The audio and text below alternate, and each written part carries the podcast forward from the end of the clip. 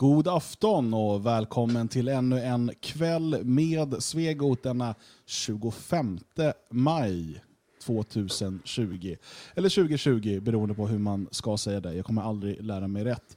Jag heter Dan Eriksson och med mig ikväll har jag som vanligt de här kvällarna Björn Björkqvist och Magnus Söderman. God afton. Hallå hallå, god dag god dag. Hej hej. God afton, god afton, god afton. Härligt, härligt att vara med va? Eh, måndag kväll då är man som piggast och som mest redo att köra igång. Så att, eh, kör igång bara! Ja, du har ju fått eh, vila hela helgen. eller? Ja, absolut. Jätteskönt. Jätteskönt. Men om du känner så här, ah, jag har inte riktigt energin. Vi kör jingeln så liksom, känner du att du kommer igång då. Piggnar man till? så här låter det.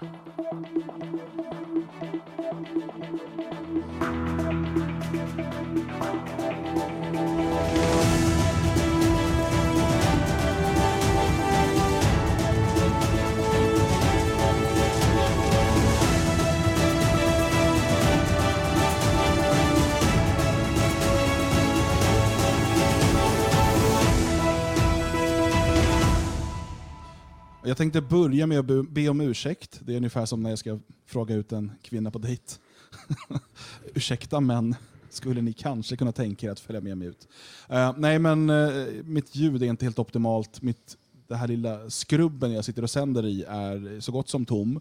Jag är mitt uppe i en flytt, eller ja, snarare i två flyttar. Ehm, jag flyttar till eh, både Elgarås och till Tyskland samtidigt ehm, eftersom jag ska pendla däremellan. Det där är en annan historia som jag har skrivit om i Nationalisten och som jag pratat om vid andra tillfällen. Eh, men det gör att just nu, eftersom att det här är veckan då flyttarna sker, eh, så är det lite struligt lite, och lite konstigt. Vilket också gör, och det kan vi säga redan nu, att vi har valt att inte ha någon sändning nästa måndag. Helt enkelt för att vi inte vi kan inte garantera att det går, kommer bli av, eller att vi kommer kunna förbereda oss, eller jag kommer kunna förbereda mig. Så att eh, nästa måndag är det eh, sändningsuppehåll, eh, och så är vi tillbaka eh, måndagen därefter, alltså den 8 juni. Och då har vi ju säkert jättemycket att prata om. Hur har helgen varit, Björn? Ja, det har regnat och åskat och varit allmänt oförskämt. Eh, dåligt väder. Jag, jag, jag tänkte vara som en sån här god uh, fader, så jag plockade fram ett spel, ett jävla geografispel med massa frågor om var eh, eh, Uh, sådana dumma frågor, typ så här, man, man kan själva frågan liksom, bara, ja, vart höll någon gerilla till? Och det vet man liksom, ja det var i Etiopien typ. Men så ska man ju hitta deras huvudstad på kartan. Så min tioårige son, man skulle samla pluppar och han fick, man skulle komma upp till tio och han hade samlat upp sina tio när jag hade fyra. Jag tror aldrig mer vi spelar det jävla spelet utan i fortsättningen går vi ut även om det regnar. Geografi är överskattat ändå va? Mm. En kunskap som inte är så jävla nödvändig. Nej men den är helt, alltså det finns ju kartor liksom, med, där det Jo. står. Ja. Jo, eh, men det kan också finnas tillfällen då, då du inte har tillgång till en karta. Höll jag på att säga och så skulle du säga haha, Google Maps. Just Eh, det. Men, och det är sant, och det blir alltid svaret på allt, varför man inte behöver kunna någonting. Haha, Precis. jag har en telefon. Det måste ju vara ett helvete att vara lärare nu för tiden. Det var ju rätt kul, eh, kul att någon noterade det, om det var Expressens eh, kulturjournalist eller någon ledare där som noterade att man hade använt något, någon, någon omskrivning för sexuell aktivitet i samband med att eh, någon av kungligheternas barn var och besökte djur. Man kallade det för att här har prins Oscar en herdestund med djuren. Eh, det roliga är att journalisterna som skriver är så jävla dåliga. Så de fattar inte att herdestund det var då alltså en, en omskrivning för att ha sex. Eller någon typ av erotisk liksom, sådär, händelse. Det var ju väldigt underligt. Tog han upp flera exempel i den artikeln just på det. Um, skratta bäst som skrattar sist. Jag, har, jag, jag får förvisso oftast då 19 av 20 rätt på sådana här ordtest och liknande. Men då fick jag ju läsa också att högskoleprovet de gör de där testen lättare varje år så att de ska få en konsekvent hög siffra. Eh, Känns ju bra. Vi är dumma i huvudet allihopa kort sagt. Ja men det gör de ju, för jag har också känt att jag har blivit mycket bättre på de där testen. Med åren. Man sitter ju varje år och så bara, ah, nu har jag verkligen klarat, nu är jag riktigt, riktigt duktig. Men det är ju såklart för att de eh, försämrar det. Men Björn, har du tagit det på riktigt det här högskoleprovet? Ja, Det är ju aldrig något jag uttalar mig om. Okej. Det är väl offentliga uppgifter där? Ja, så ut och leta. Mm. Oj, oj, oj. Eh, kolla under B i, rull, i rullorna. Så. Kan som är B. B-rullarna. Det var ju, vi hade ju en cliffhanger i förra sändningen där Björn skulle avslöja någonting i slutet av sändningen. Sen glömde Just vi bort det, påpassande nog. Men ingen har klagat och frågat efter vad det var, så vi kommer aldrig berätta det. Nej, men eh, han kanske berättar det i, i den här sändningen. Det vet vi Men inte. Det kommer ju komma vid något svagt ögonblick. Jo. Det är ju inte Typ så idag när jag, eh, när, jag, när jag har avvikit från uh, temat. Så, Normen. Så, ja, så, så, eh, men eh, nej, Men kan vi garantera att vi inte sänder nästa måndag då? Nej, det kan vi ju aldrig göra. Nej. man kan aldrig garantera att man inte kommer sända. Nej. som man brukar säga. Eh, idag så ska vi eh, prata om eh, gammelmedias eh, artiklar om mordet på Tommy Lind som ju följer det formulär 1A som vi pratade om redan jag tror förra veckan, eller om det var förra, förra veckan, eh, när vi berättade om hur det här skulle utvecklas. Eh, vi ska prata om det här med martyr eller offer. Eh, finns det någon skillnad på de svenskar som har dött till följd av mångkulturen och hur vi som nationalister bör se på dem. Eh, vi ska prata lite om eh, corona, Kina-viruset. Eh, vad händer eh, i Sverige och i världen? Eh, och vi har fått lite intressanta mejl och så ifrån människor inom sjukvården som jag tycker att vi ska återkomma till. Eh, och så ska vi faktiskt, vi ska prata om det här med att sprida förnedringsfilmer där svenskar misshandlas av utlänningar. Jag vågar lova att vi kanske kommer göra det idag. Alltså det finns inga, det finns inga undanflykter längre. Två sändningar i rad hade jag fått stryka på foten, men vi ska eh, hinna med det idag. Och så ska vi ha nedslag i rörelsens historia där vi ska prata om Folkets marsch. Och det ska vi göra alldeles, alldeles strax. Först vill eh, jag passa på att göra reklam för att nationalisten.se nu har en eh, fullfjädrad hemsida. Eh, tidigare var det en hemsida där man bara kunde teckna en prenumeration. Nationalisten är ju då en, en månatlig tidskrift i tryckt format. Nu går den också att läsa digitalt eh, tillsammans med lite extra material. Och det gör också, och det här har varit efterfrågat av många, att man har nu möjlighet att prenumerera bara digitalt. Eh, folk som inte vill ha någonting hemskickat. Varför skrattar ni bara två så mycket? Alltså jag skrattar för att Björn, Björn började skratta. Eh, det var helt oförhoppat, han bara skrattade till. Och då tänkte jag att jag får inte skratta. Och så började jag Vi, skratta. det här, vi får fnissa sista tio minuterna, inte Ja. första tio minuterna. Nej, Jag jag, sitter och, jag sitter och läser kommentarerna här om din... eh, eh, En brasklapp. din ja, vill, jag vågar lova att vi kanske kommer prata om det idag. Jag vill alltid friskriva mig för eventuella teknikaliteter. Jag kan ju inte ta ansvar för om ja, men typ Bill Gates skickar in någon vaccin i YouTube och det går sönder och sådär. Alltså, jag, jag tänker, därför säger jag kanske. Alltså, så Ni, länge, ni ska höra hur det låter på styrelsemötena för det fria Sverige. Jag vet ju en kille som inte är ansvarig för något men ändå ansvarig för allt när det går bra.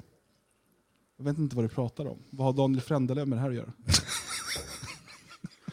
Det är lite taskigt Eh, att outa Men alltså jag tänkte ju att du skulle visa den där hemsidan när du höll på att prata om den men det gjorde du ju inte. Jaha, du tänker så? Okej. Vi har ju den möjligheten här. Nu kan ju alla som sitter här och lyssnar gå in på nationalisten.se. va? Men jag tycker att den är värd att visa upp. Det är en fin sida. Eh, och också svaret på vad gjorde Magnus och Dan i helgen? Jo, vi satt med den där. Eh, eh, det var i princip det vi ägnade oss åt. Va? Och eh, jag tycker att den har blivit fin där. Um, lite, lite sådär grundläggande orientering. Det där ni såg bläddra förbi, det här var kultursektionen. Va? Och sen så där är det något annat. Um, mycket bra artiklar. Björn skriver bland annat, eh, både i, i eh, tidskriften och eh, naturligtvis till hemsidan. Um, Precis, så här har vi ju ur ruinerna som är lite korta strandhugg och, och ledarstick som ligger öppet. De behöver man inte ens vara prenumerant för att läsa.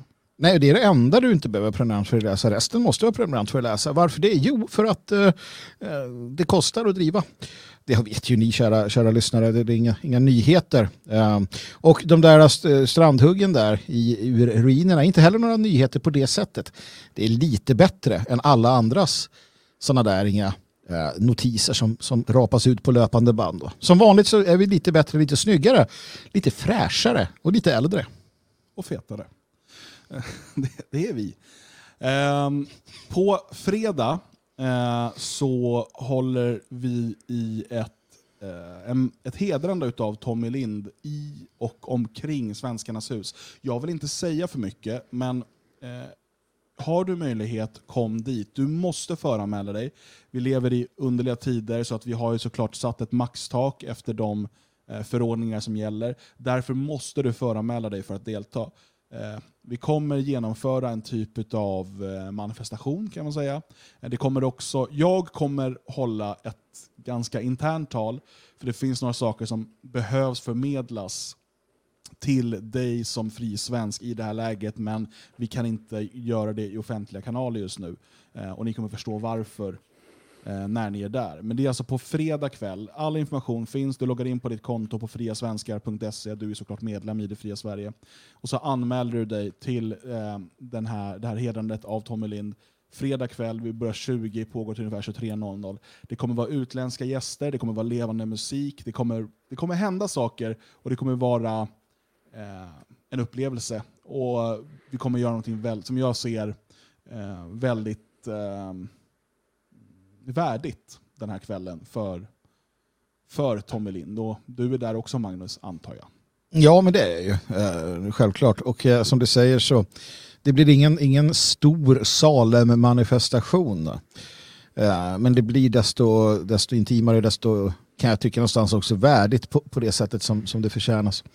Eh, vi lever i de tider vi lever i. Det är väl kanske någonting jag ska prata lite om då eh, på platsen också. Att det ser olika ut från eh, åren som kommer och går. Och vi andra, eller vi, alla vi tre har ju minnen av en annan typ av eh, manifestationer som var självklara på sin tid. Jag, jag ondgjorde mig lite där eh, för två veckor sedan eller vad det var om att ja, det lär väl inte bli någon, någon ny manifestation för Tommy Lind um, på det sättet och sen så då uh, försökte ju uh, motståndsrörelsen uh, genomföra en och ja, det blev väl inte helt eh, som man hade hoppats på grund av polisen och så vidare. Men där någonstans så insåg jag också att det, det är inte så man gör nu för tiden, utan alla de virtuella eh, Alltså jag har ju svårt att se det virtuella som, som likvärdigt eh, IRL va? och det är det ju inte.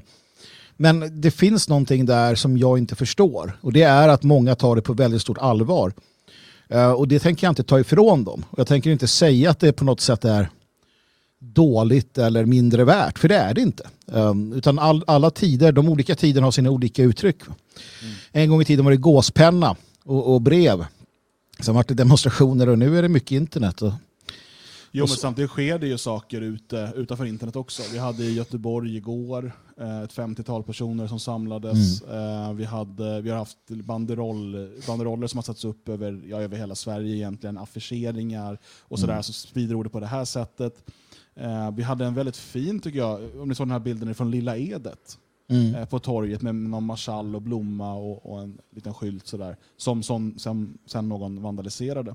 Mm. Det händer sådana här saker. Och det digitala, jag menar där man då eh, får Tommy Linds namn att, som det heter, då, trenda på Twitter. Mm. Alltså det betyder att det är något av det mest omtalade, det syns för alla användare.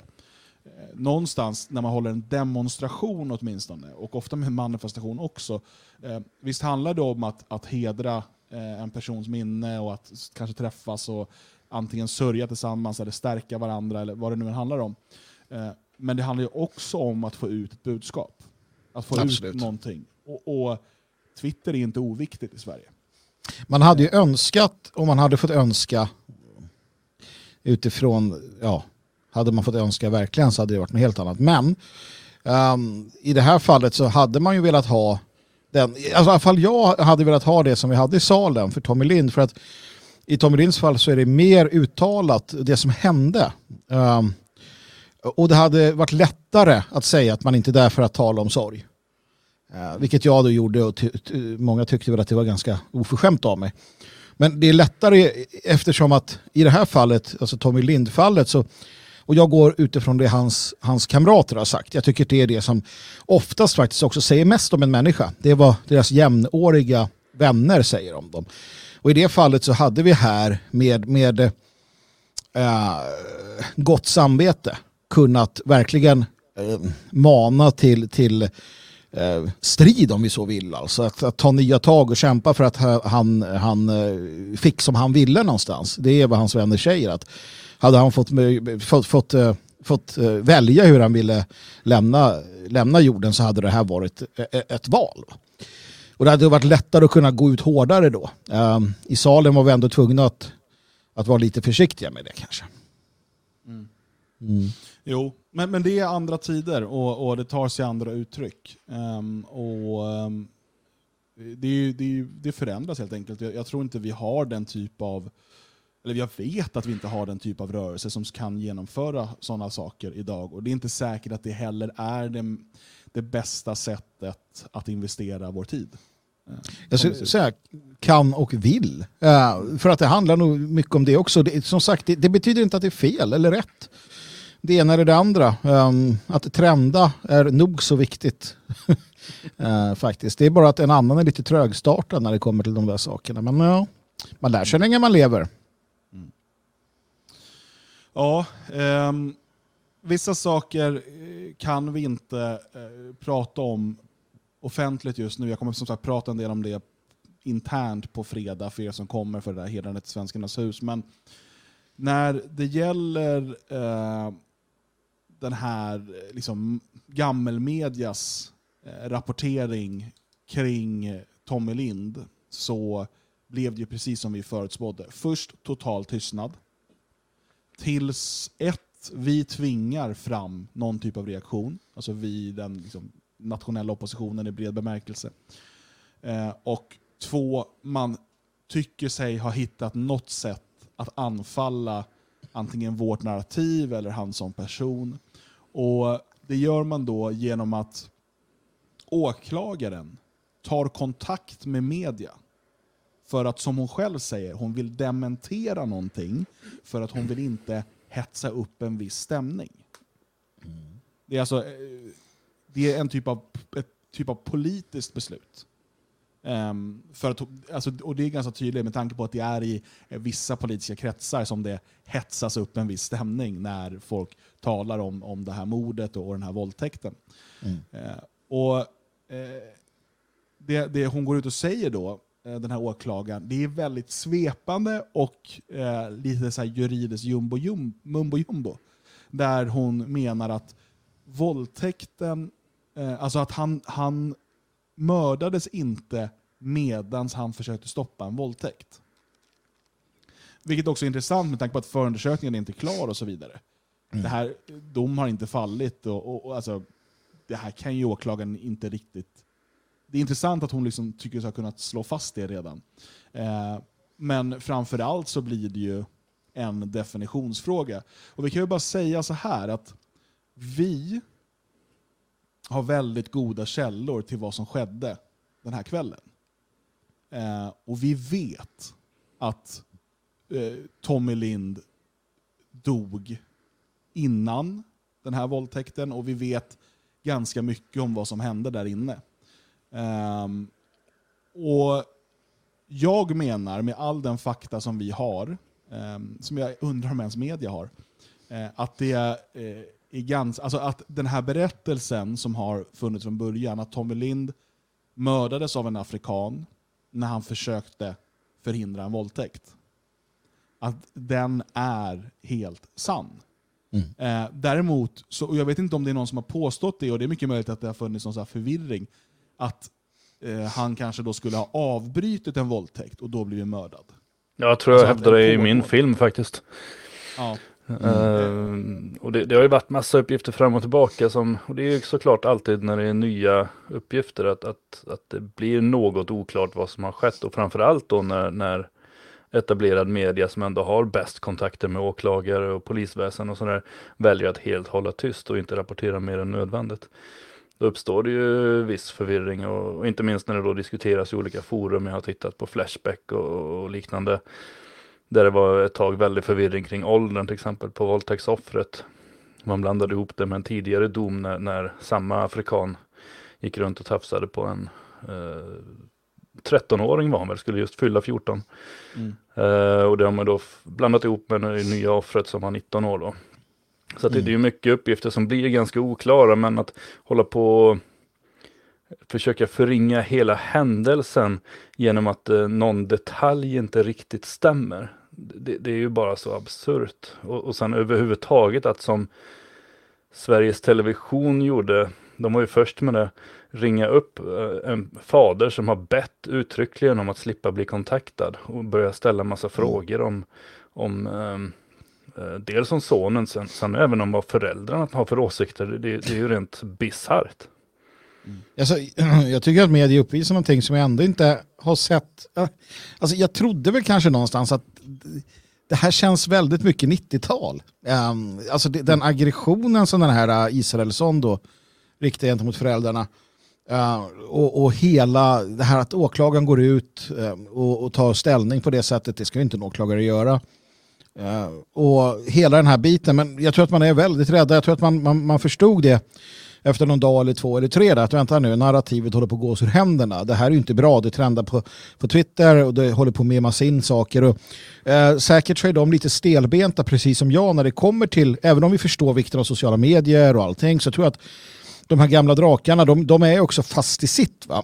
Och det gör att de på ett helt annat sätt reagerar långsamt.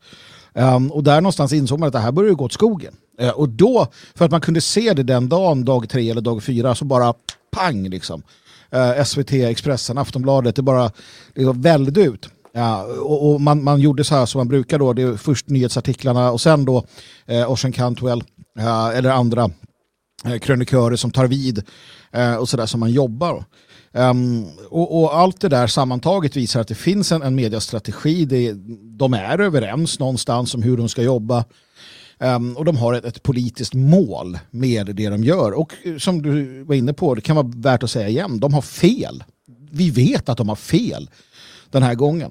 Uh, sen att åklagaren då väljer att använda byråkrati, uh, eller liksom ju, jurissvenska för att säga att ja, han, han, det var inte i samband med att han stoppade en våldtäkt. Vad betyder det? Mm. Ja, det kommer visa sig. Och, och det kommer visa sig uh, att, att åklagaren tog i så hon höll på att spricka för att lägga saker till rätta. Helt klart. Och jag vill också att man här får klart för sig eh, gammelmedias agenda. Att, eh, för att de försöker måla upp en bild av sig själva som någon typ av sanningens försvarare, som, som liksom media. Då. Och, eh, Oisin Cantwell eh, skriver, han, ni vet han försvann några år under efter metoo-grejen. Sen bara dök han upp igen och berättade att svenskar var dumma i huvudet. Typ. Mm. Underligt det där. Eh, men han skriver då, det är först nu hans föräldrar har orkat berätta. Det är först nu som åklagaren har dementerat felaktigheterna som florerat.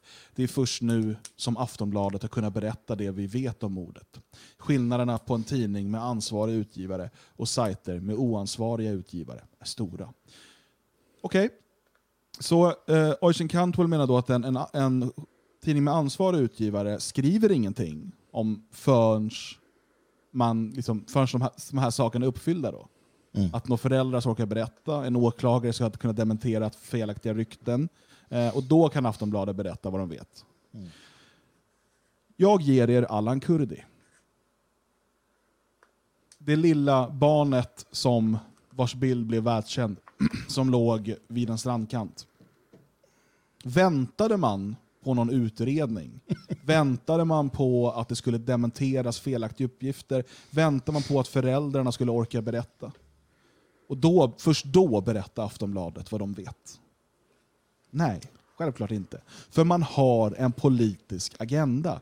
Varenda gång de försöker sätta sig på de här höga hästarna när det gäller ett fall, till exempel med ett svenskt offer, fundera på hur det har sett ut i andra fall det, det håller aldrig ihop. De är inte stringenta eller konsekventa i det här. De har en politisk agenda. De försökte tysta ner mordet på Tommy Lind och nu försöker de göra allt de kan för att förvilla, för att så tvivel och förhoppningsvis kunna då eh, sänka liksom, aggressionerna och upprördheten som, som finns på nätet och som de hoppas då, ska det här kunna rinna ut i sanden på något sätt. Eller att de ska kunna räddas av någonting i förundersökningen som, där de då kan eh, försöka vrida på, på narrativet. Man gjorde det redan i lokalmedia när man påstod att, alltså man, man skrev då att både förövaren och offret är sedan tidigare kända av polisen.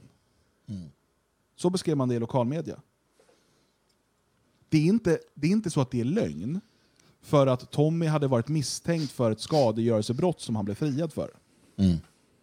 Så han är tidigare känd av polisen.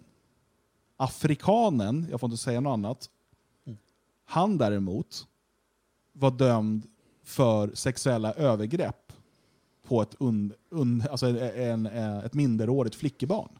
Mm. Båda var kända av polisen sedan tidigare.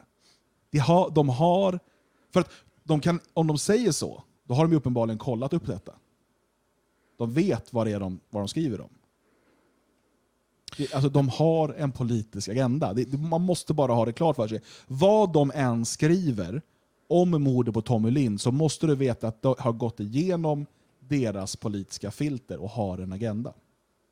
Här måste man ju också förstå. Eh, för jag tror att eh, de senaste åren så har vi sett en, veritabel explosion av vad vi kallar för Sverigevänner som dyker upp och dyker in och, och dyker fram. Och många av dem eh, senvakna jag har ju ingen aning om, om detta. Eh, och, och det kan man se för att de har fortfarande till stor del Aftonbladet och Expressen som någon form av uh, eh, lackmustest. Men, men det här är också det som gör det synnerligen besvärande när man förstår detta. Alltså, journalisterna, gammelmedia, det är kombatanter. De har gett sig in i leken. De är inte objektiva betraktare från sidlinjen. De är en del utav så att säga, den, den, den, eh, den, den strid vi, vi befinner oss i. Och när man då ser hur somliga vill bli accepterade utav dem. Man vill vara i deras finrum. Man vill sitta ner och ha fina intervjuer med dem. Eh, man, man vill liksom bli godkänd utav eh, de där eh, prostituerade journalisterna. Det kan jag tycka är ytterst beklämmande och upprörande. Ja, när, man, när man hela tiden siktar på det. Jag menar Sverigedemokraterna är ett lysande exempel.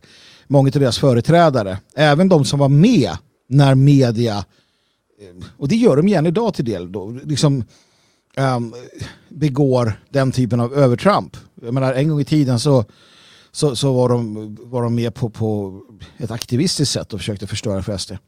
Men där försöker man, alltså man tar inte chansen, man är, till, man är det andra största partiet, man tar inte chansen och, och helt såga av dem och ber dem fara åt, eh, ja sådär, Trump-aktigt. Och det är, det är ju det som jag, kan tycka, man förstår inte vad det är för någonting, man förstår inte vad Sean Cantwell är för typ av människa.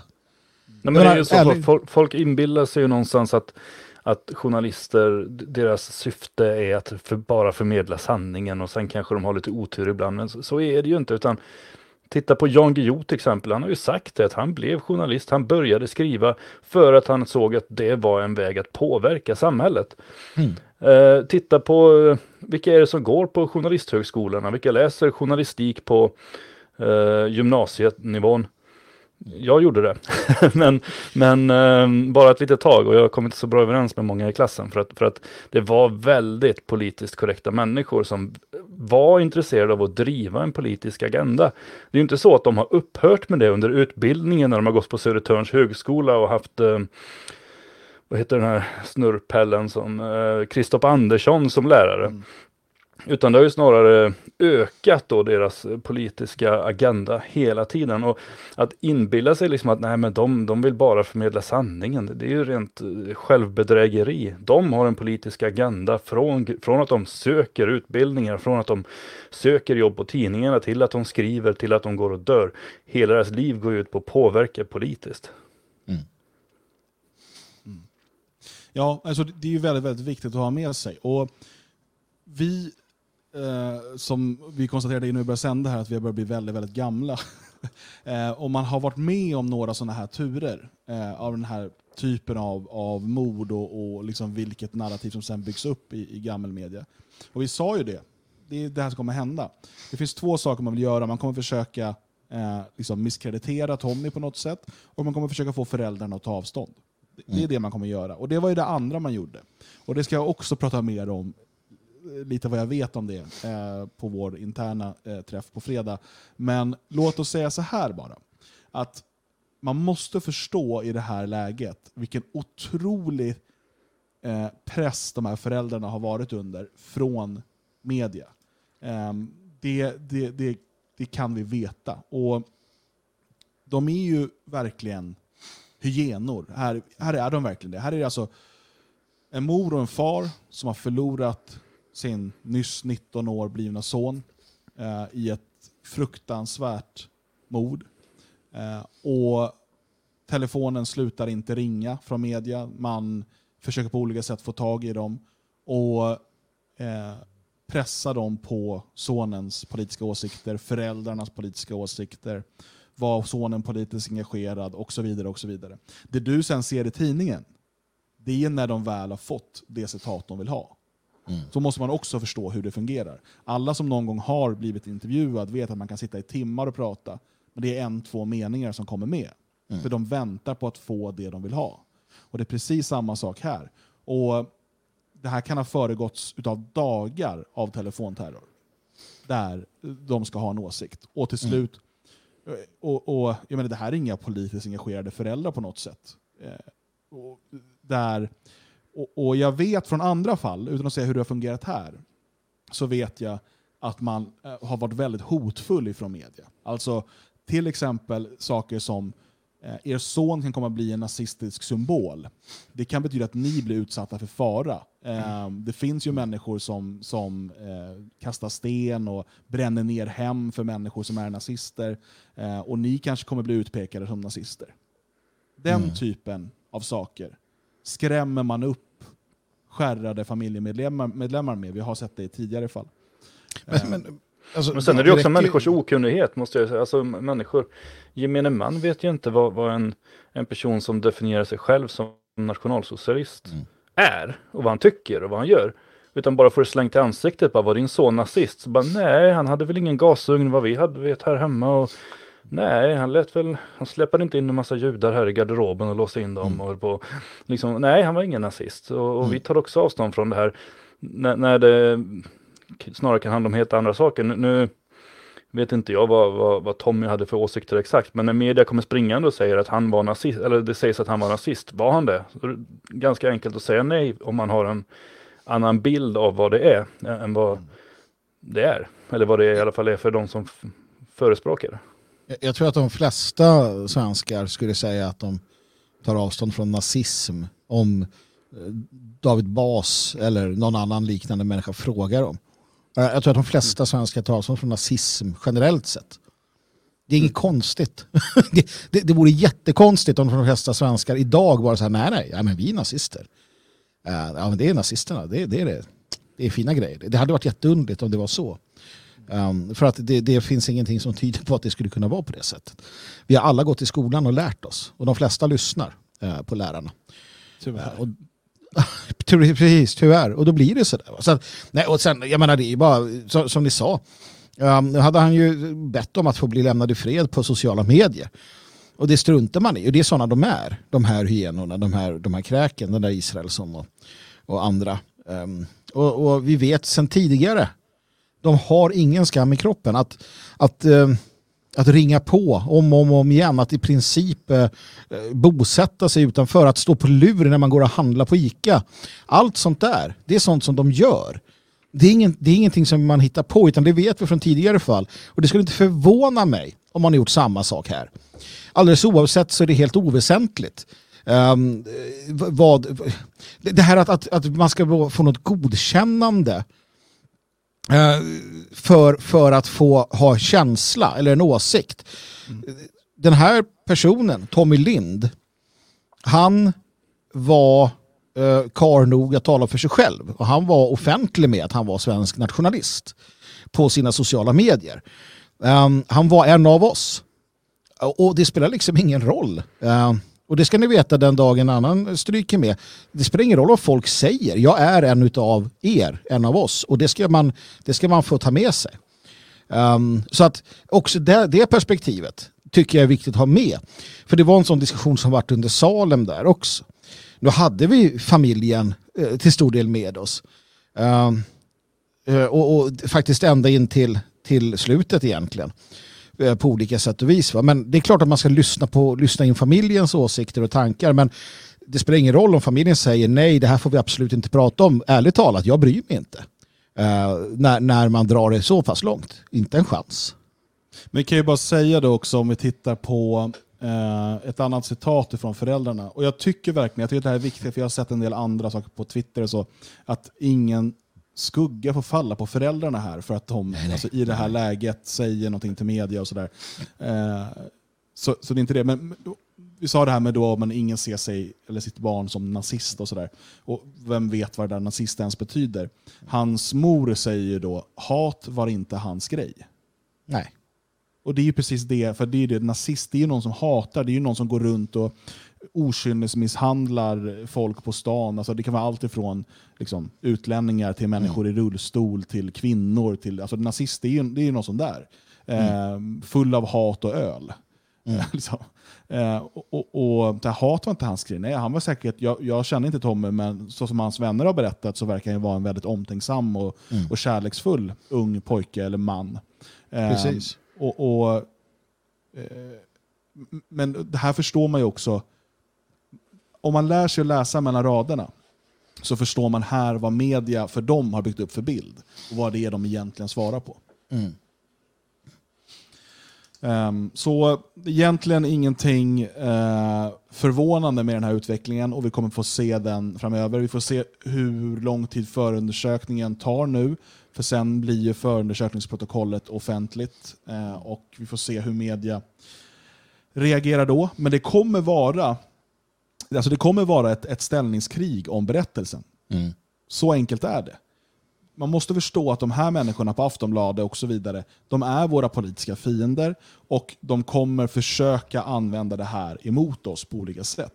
Vi måste vara klara eh, med att Tommy var en av oss. Tommy dog på ett väldigt ärorikt sätt när han försökte skydda en kvinna från att bli våldtagen av en afrikan som aldrig skulle ha varit i Sverige överhuvudtaget. En afrikan som alltså redan var dömd för sexbrott mot en svensk flicka, men ändå var kvar i Sverige. Han skulle aldrig ha varit här från första början. Tommy hade levt om den här afrikanen inte hade varit i Sverige från första början. Så egentligen skulle vi kunna bara säga att det är egentligen irrelevant vad som hände den där kvällen i Härnösand. För att han är ändå ett offer för mångkulturen. Han är ändå ett offer för den politik som har förts i Sverige i åtminstone 40 år. Och därför ska han hedras, därför ska hans namn nämnas. Och han var dessutom en av oss. Vilket får oss in på en annan sak vi ville prata om idag, eh, Björn. Det här med, eh, för det är ju inte bara Tommy som har dött till följd av mångkulturen de senaste dagarna och veckorna. Vi hade Anna-Lena i Kungälv och uppmärksammat har ju varit mordet på den unga flickan Vilma, eh, 17 år, vars eh, huvud hittades i en väska hemma hos hennes kurdiska, tror jag det var, pojkvän. Um, och eh, hur, alltså finns det någon skillnad här i, jämfört med eh, Tommys öde? Ja, det gör det absolut. På väldigt många plan. Jag, jag, vi har sett det lite grann här nu, nu. Eh, vi fick den här kampanjen tidigare. Eh, hans namn är Tommy Lind.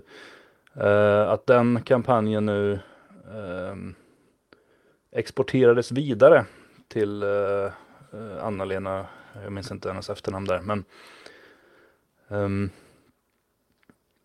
och jag tycker att det är lite olyckligt eh, just därför att eh, ursprunget till den här eh, uttrycket eller memen är ju ehm, eh, den här filmen där de hyllar sin första martyr. Fight Club. Ja, och det är ju samma sak, det är ju det vi gör här också. Ehm, Tommy är en martyr och han lever vidare med oss. Förr när soldater dog till exempel, karoliner dog, man, man stod och räknade upp dem på morgonen, vilka som var där. De som hade avlidit, då svarade man alltid närvarande, därför att de fanns kvar i ledet, de var med oss vidare, precis som Tommy är. En människa som aldrig har varit med oss, som aldrig har bedrivit vår kamp, som aldrig har gått med oss på gatorna, som aldrig har eh, memkrigat på internet, som aldrig har tagit parti för vår sida de var inte med oss innan och de är inte med oss efter heller. Um, jag tycker absolut man ska uppmärksamma det här fruktansvärda uh, mordet där, den här kvinnan, sjuksköterska till och med i dessa tider när vi behöver sådana som allra mest, blev uh, knivhuggen för att någon liten ligist skulle ha en uh, plånbok eller vad var det, mobiltelefon. Mm. Men hon är ett offer för mångkulturen, hon ska uppmärksammas, det ska lyftas fram på olika sätt. Men inte den här martyrförklaringen. Eh, sen tror jag hon var en redig kvinna, hon verkar ha varit eh, bra och vettig, hon verkar ha levt liksom verkligen för sitt jobb hon var ju fackligt eh, aktiv, tycker man har sett. Eh, men hon var inte en av oss. Än mindre till exempel och andra som jag har sett har lyfts fram tillsammans med Tommy Lind här nu som Elin Krantz till exempel som, som på Facebook hade den här kampanjen som Aftonbladet drog igen med, med handeln, vad heter det, vi gillar, vi gillar olika. olika. Mm. Uh, eller Beatrice Fredriksson som valde att leva ihop med en kurd av alla människor. Och sen uh, naturligtvis uh, blev, blev dödad av honom. Eller de här, den här Vilma som då blev mördad av sin pojkvän. Det här är människor som aktivt har tagit parti emot vår sak. Och sen så blivit dödade som ett resultat av sin handling det är ju inga martyrer utan det, det, är ju snarare människor med väldigt dålig karaktär. Mm. Um, som eh, har, har råkat illa ut och det ska också uppmärksammas. Man ska lyfta fram vad mångkulturen för med sig. Man ska inte hålla på och mörka gärningsmän. Man ska tala om att eh, det här är vad som kan hända. De flesta blir inte mördare men, men det är definitivt vanligare och det är vanligare med misshandlar och, och så vidare i sådana här eh, blandförhållanden eh, hellre lyfta fram dem som varnande exempel än som hjältar. Jag vill inte se liksom någon kampanj där man ska lyfta fram som att Beatrice går med oss liksom i, våra led efter att hon har eh, avlidit till följd av sina egna handlingar. Mm. Eh, och där släpper jag ut ordet. Jag ser bara att det där är en, en viktig poäng du gör och vad skönt att, eh, att du säger det som du gör. För att du har helt rätt. Det finns liksom ingen orsak till att, att, att hålla på och sammanblanda orden. Martyr är martyr. Och offer är offer. Och ja, de andra, jag vet inte. Um, det, det, är den frågan som, som säkert alltid kommer upp och det är en sån där jag själv brottas med. Det är när är du ansvarig för dina handlingar? Vilma var 17. Um, ehm, jag var personligen 14 när jag drog igång uh, och förstod vad jag gjorde. Jag var yngre än så när jag började bli politiskt aktiv. Uh, hade man velat täppa till truten på mig då så hade det inte varit ett stackars litet barn utan det hade varit en fullt fungerande eh, individ med en, en, politisk övertygelse. Det var jag ganska tidigt. Va? Men det där kan ju skilja sig åt. Uh, när det gäller äldre människor som, som väljer själva då har jag inte ett, ett, ett, och hamnar i den typen av förhållanden som slutar på det sättet då har jag inte ett uns Alltså jag har inte ens en mikroskopisk känsla av att, att jag bryr mig. Ehm, för att det finns som Tegnér tar upp i Vikingabalk eh, att, att, att om du väljer ett visst liv i dessa tider eller i vilka tid som helst då tar du avsked från oss. Du, du säger hej då till den, den gemenskap som finns. Alltså, du, kan, du kan vara en del av vår rörelse, vår opposition och, och ta farväl av den och leva ett värdigt liv. Det kan du göra. Eh, men du kan också ta farväl av att vara en del av ett värdigt liv och ett folk. Och det är vad de här gör. Många av dem som sen råkar illa ut. Vi hade någon, någon pensionär som blev... Um, vi hade i Frankrike en, en man som blev ihjälslagen av någon uh, sån där flykting han gömde. En i raden av många. Jag har inte ett... Det, det, rör mig inte i ryggen. Han hade tagit farväl av oss. Så alla människor har inte lika mycket värde Vissa kan till och med bli av med sin värdighet uh, i den tid vi lever i. Så att jag tycker definitivt det är viktigt. Jag tycker man ska vara stenhård på detta. Därför är jag inte en del av den här äh, kampanjen. Som du sa, uh, den här generiska kampanjen, då, hennes namn och så vidare. Det, uh, hon, ska, hon, ska, hon ska definitivt omnämnas och det ska förklaras vad som har hänt. Men Tommy Lind är någonting helt annat. Det är en av oss. Mm. Nej, jag håller med om att det, um, att det är viktigt. Jag var med och jag, jag twittrade eh, väldigt tidigt där. Eh, inte först av alla, utan jag hittade någon och skrev också hennes namn är Anna-Lena Länhede. Eh, men eh, jag tog bort det sen. Eh, just, alltså, för jag såg eh, också, okay, nu kan vi direkt göra kopplingen för att liksom offer för mångkulturen och så vidare. Men jag håller med om eh, att eh, det finns en viktig distinktion att göra här. Eh, och Det är viktigt att lyfta fram offren för mångkulturen, eh, men inte göra dem till något mer än det. Och samtidigt prata om vems ansvar är det att det har blivit så här. Och när det gäller vuxna människor som har varit engagerade mot oss och sen dött eh, utav sin invandrade man eller, eller, liknande, ja, då är det väldigt mycket deras eget ansvar, även om vi liksom alla är offer eller barn av vår tid. Mm. Eh, men när det gäller till exempel Vilma, där måste man ju alltid ställa sig frågan, var var hennes far? Mm. Hur kan... Alltså hon var 15 när hon flyttade ihop med en kurd. Om det fanns en far i bilden, hur kunde han tillåta det? Men släkt för fan, någon, någon finns väl? Eh, och, och, det är så här, okej, okay, han kanske är då en politiskt korrekt person som tycker att det är klart du ska få göra det om du vill. Eller hon kanske var jättejobbig och han orkade inte ha sin, tjej, sin flicka hemma. Jag, jag, vet inte. Men man måste fråga, det är ju, det är ju här ansvaret finns. Mm. För det första, varför har han inte uppfostrat henne bättre? För det andra, varför låter han henne flytta ihop med en kurd? Mm. Um, och Visst kan vi dra det längre och fråga sig varför har han blivit som han har blivit? Och vems ansvar är det? Men någonstans sätter jag ändå på vuxna män de har ett ansvar själva. De kan inte skylla ifrån sig för att jag var lurad och så vidare.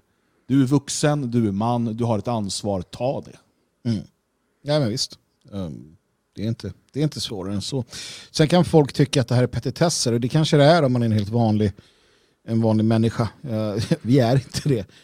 Uh, det är viktigt uh, för att jag vet man har haft den här, typ, jag har ju läst mycket om olika befrielserörelser. Och där är det ofta diskussioner om vem som är krigsfånge och vem som är politisk fånge.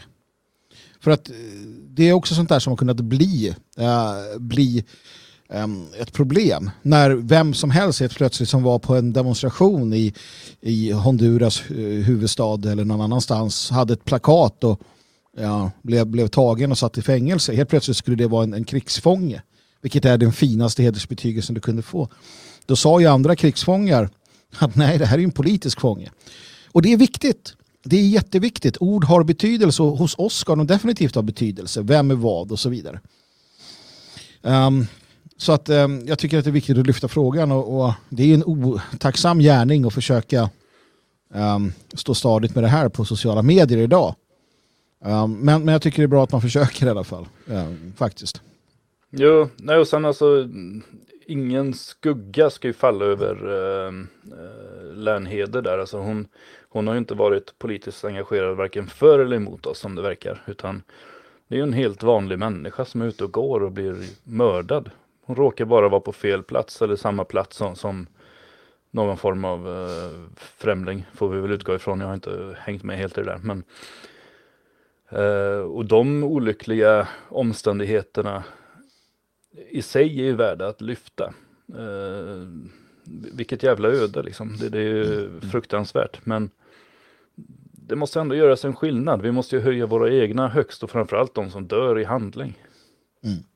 Ja men alltså, det, det, är ju som, som man eh, konstaterade när man förstod just vem Tommy Lind var och hans, hans eh, vänner sa. Det är ju så här att han slog oss alla på fingrarna någonstans vi som hållit på i all, liksom vi som hållit på i 30 år eller längre. Vi har gått på våra demonstrationer och all, allt möjligt. Men han, han, han, han, han tog det där sista steget. Han, han, han hamnade där. Och um, det är, det är också det, jag skulle vilja förmedla det. Vi hade ett samtal om döden. Jag skulle vilja förmedla till hans föräldrar, till allas nära och kära att det här är ju det här är ju ett tillfälle då, alltså en, en skönare död är svår att, att se. Och det här är helt onaturligt för många idag att höra sådana ord. Hur kan man prata så om döden? Jo, för det är så. Att få, um, att få dö i strid, att få dö för sitt folk, sitt land, um, för det man tror på, för att beskydda det som är mest värt um, i, i livet, alltså vårt, vår, vårt folks kvinnor och så vidare. Jag menar, det, det, är, det, det, det är det som, som hjältar gör så. Det är de som släpps in i Panteonen utan problem. Det är för dem som, som himlens dörrar är vidöppna. Det är bara att gå in. Du behöver inte prata med vare sig Heimdal Heimdall eller Sankte Per eller var du nu hamnar. Det är bara, det är bara att gå på. Va? Det är, den, det är den, den största äran en man kan få. Det är att dö på det sättet. Um, så att, uh, ja, nej jag vet inte vad jag ska säga. Uh, och därför är det också viktigt att det förlänas dem och ingen annan. Jag tänker inte kräva den statusen om jag inte förtjänar den, helt enkelt. Och det ska ingen göra. Och ingen ska få den utan att förtjäna den. Och, och det är viktigt. Och det kommer jag hålla fast med tills den dag jag dör. Förhoppningsvis eh, inte i sotsäng, om det går att undvika. Ja, viktiga eh, frågor att diskutera för den nationella oppositionen. Och det är det vi gör här ikväll med Svegot varje måndagkväll, utom nästa måndag. um, vi uh, tar de här större frågorna och perspektiven och uh, sätter agendan som sig bör. Om du undrar hur du ska tänka, då ska du bara lyssna på oss och så vet du det sen. Så har vi liksom löst den, löst den um, biten. Det jobbar ju när vi har bytt åsikt nästa vecka. Jo, jo, men då ska du tänka annorlunda. Björn, eh, eller Dan, du måste ju prata engelska nu plötsligt också, för din, eh, vår, vår irländska vän har dykt upp där i chatten. Jag såg tror inte att han är, tittar fortfarande. I sådana fall måste han bli väldigt, väldigt uttråkad. Jag kommer inte prata engelska. eh, utan det gör jag när jag är gäst på hans program. Men det är kul att han, han hittar in här. Ja. Sen är vi rätt trevliga att bara titta på, det är väl det. Han har stängt av ljudet och sitter bara och tittar. Nej, det vore konstigt. Hela, hela, hela, hela rummet fullt där hemma i ettan i vart han nu bor. Vi kommer om en stund spela ha lite musikpaus och den kommer faktiskt gå på det här temat om att eh, dö i handling och hur vi bör se på dessa människor. Men Mm. innan det så är det dags för nedslag i rörelsens historia. För Mm. vi talade ju här om att eh, det här med stora manifestationer som i Salem, det är, eh, det är liksom inte vad vår rörelse kanske kan eller vill göra idag. Ehm, och någonting annat sånt eh, är ju Folkets marsch som var en demonstration eh, och ett nationaldagsfirande som hölls mellan 2005 och 2008. Eh, och jag kan minnas fel, eh, men var det inte så att 2005 var första året då det var röd dag på nationaldagen? Eller var det till och med året innan? Ja, något av det i alla fall, för att det är därför det, det, är därför det blir av. Va? På grund Precis. av, eller tack vare att det blir en röd av det hela. För jag till vet sist. att jag, jag gick i demonstrationer på nationaldagen med nationaldemokraterna och jag vet att Sverigedemokraterna haft sådana demonstrationer också där man krävde att nationaldagen skulle bli en röd dag. Eh, och 2004 så höll ju eh, AFA en demonstration i Stockholm eh, som hette, jag tror att den hette Krossa nationalstaten, där man gick ut och man skulle bränna svenska flaggor och sådär. Eh, vilket också var, eh, och det här är en liten upptakt till Folkets marsch kan man säga. Eh, för att då eh, samlades några som kallade sig, jag tror att det var Enad svensk front, tror jag var, stod på banderollen. Eh, och det var som ombytta roller för en gångs skull. För här var det då nationalister och patrioter som samlades maskerade, redo att gå till attack mot AFAs demonstration. Det, alltså, Eh. jag jag vill bara säga det, det är en otroligt unik händelse också i, i den moderna nationella oppositionens historia. Ytterst unik. Det var sånt vi inte gjorde. Eh, och, och det gick väl sådär. Eh, ja, eh, jag ser att det finns en gammal artikel här faktiskt på, på Nordfront. Undrar om det är du som har skrivit den? Det står Kan vara jag, Den är från vara jag. 2004. Oj. Eh, där det finns en, eh, en bild från det här. Jag satte fram den där för er som, som tittar på videon här förstår ni. Ja, titta. Ehm, Det var ju en sam det var ju motståndsrörelsen, eh, det var ju en sån där ohelig allians på den tiden. Fria, motståndsrörelsen, BH, lite allt möjligt. Ja. Men NSF hur som helst säkert. så som då eh, det, det blev lite stenkastning och lite, det var ju mest med polisen då, man kom väl inte hela vägen fram. Eh, hur som helst, året efter då, eh, 2005, eh, någon gång strax efter årsskiftet så sitter jag och eh, talar med en person som var en av initiativtagarna till det här, Enad svensk front. Och vi pratar om att vi borde göra någonting på nationaldagen. Alltså någon typ av demonstration eller, eller någonting. Eh, Det är röd dag och eh, vi hade båda då varit engagerade i eh, Salemfonden och, och liksom Salemmanifestationen. Eh, och vi eh, tänkte att göra något liknande. Alltså återigen då bjuda in från alla organisationer och vi var båda då engagerade som oberoende aktivister och skrev för Inför 14 och sådär. Eh, och, och, hade den här idén om att eh, vara något typ av shit mellan eh, de olika organisationerna. Eh, och få det där att fungera på något sätt. Ehm, och eh, Det där utvecklades ganska snabbt. Då. Det blev ett möte där man bjöd in företrädare för eh, de organisationer som fanns. Eh, och jag, jag, är inte helt säker på hur det fortlöpte sen, men plötsligt så blev det, blev det en demonstration på 6 juni i alla fall. Eh, och eh, det gick ifrån Odenplan till eh, Rålambshovsparken ner till Smedshusbadet i Stockholm. Um, och, ja, första Ja, det var den första, 2005. Ja, precis. Just. Jag var inte med första året så jag har ingen aning. Satt du i fängelse då? Va? Vet inte, minns inte, kanske. Var det inte första året, eller var det andra året vid Smedshusbadet då du höll tal och blev fängslad, eller blev gripen direkt efter? Ja, jag tror det. Jag sitter och försöker hitta gamla artiklar här. för, du, jo, för du citerade det, för du satt fängslad för det du sa. Sen så året efter så höll du tal och citerade dig själv och blev fängslad igen för det, att du citerade dig själv. En absurd ja, händelse. Just det. Just det, så var det. För jag satt ju tre dagar då, sen blev jag släppt när jag skulle häktas. Så jag fick ju ersättning sen. Göran Lamberts betalade ut, inte från sin egen plånbok då, men jag fick några tusen där för att jag hade suttit. Vad snällt av. Ja, för jag blev ju friad till slut där från, från allting. Mm, mm. Um, jag rullar lite film i bakgrunden från Folkets marsch 2008. Det här var ett tyskt medieprojekt som var där och filmade. Uh, och det kommer vara lite blandat från, från demonstrationen som ja, skapar lite stämning här. Um, men det här 2005, uh, mitt stora minne, för att jag var ju då med och organiserade. Jag var nere vid uh, Smedshusbadet och byggde scen och satte upp högtalare och sådär. Uh, jag minns att jag, jag hade precis fått ett nytt jobb och av någon anledning jag, så ville jag liksom inte helst synas så mycket. Och jag, då tänkte jag att jag tar på mig en svart polotröja, en svart keps och solglasögon. Då är man ju ganska anonym. Det är man ju. Uh, det var en jättevarm dag. Alltså det var ja. Greta Thunberg, hade hon liksom inte bara varit typ en spermie den, vid den tiden så hade hon, hon hade anordnat demonstration för att det var så varmt. uh, Och det blir mycket varmare av en svart polotröja, keps och sådär eh, också kan jag mm. säga. Um, men så scenen är uppbyggd um, och uh, vi hör hur den här demonstrationen liksom närmar sig slutmålet. Um, Viktor som var med och organiserade kommer springande ner för backen till Smedshusbadet och uh, ropar så här, det, det är 900, det är 900. Och då hade vi ju suttit där kvällarna innan och pratat så här, okay, men när, vad är vi nöjda med? Liksom? Och då, vi var väl ganska överens om att liksom, kommer det över 500, då är, vi, då är det hur bra som helst. Men vi trodde inte riktigt det, utan 400. Typ som Nationaldemokraterna hade haft på sitt, plus lite till.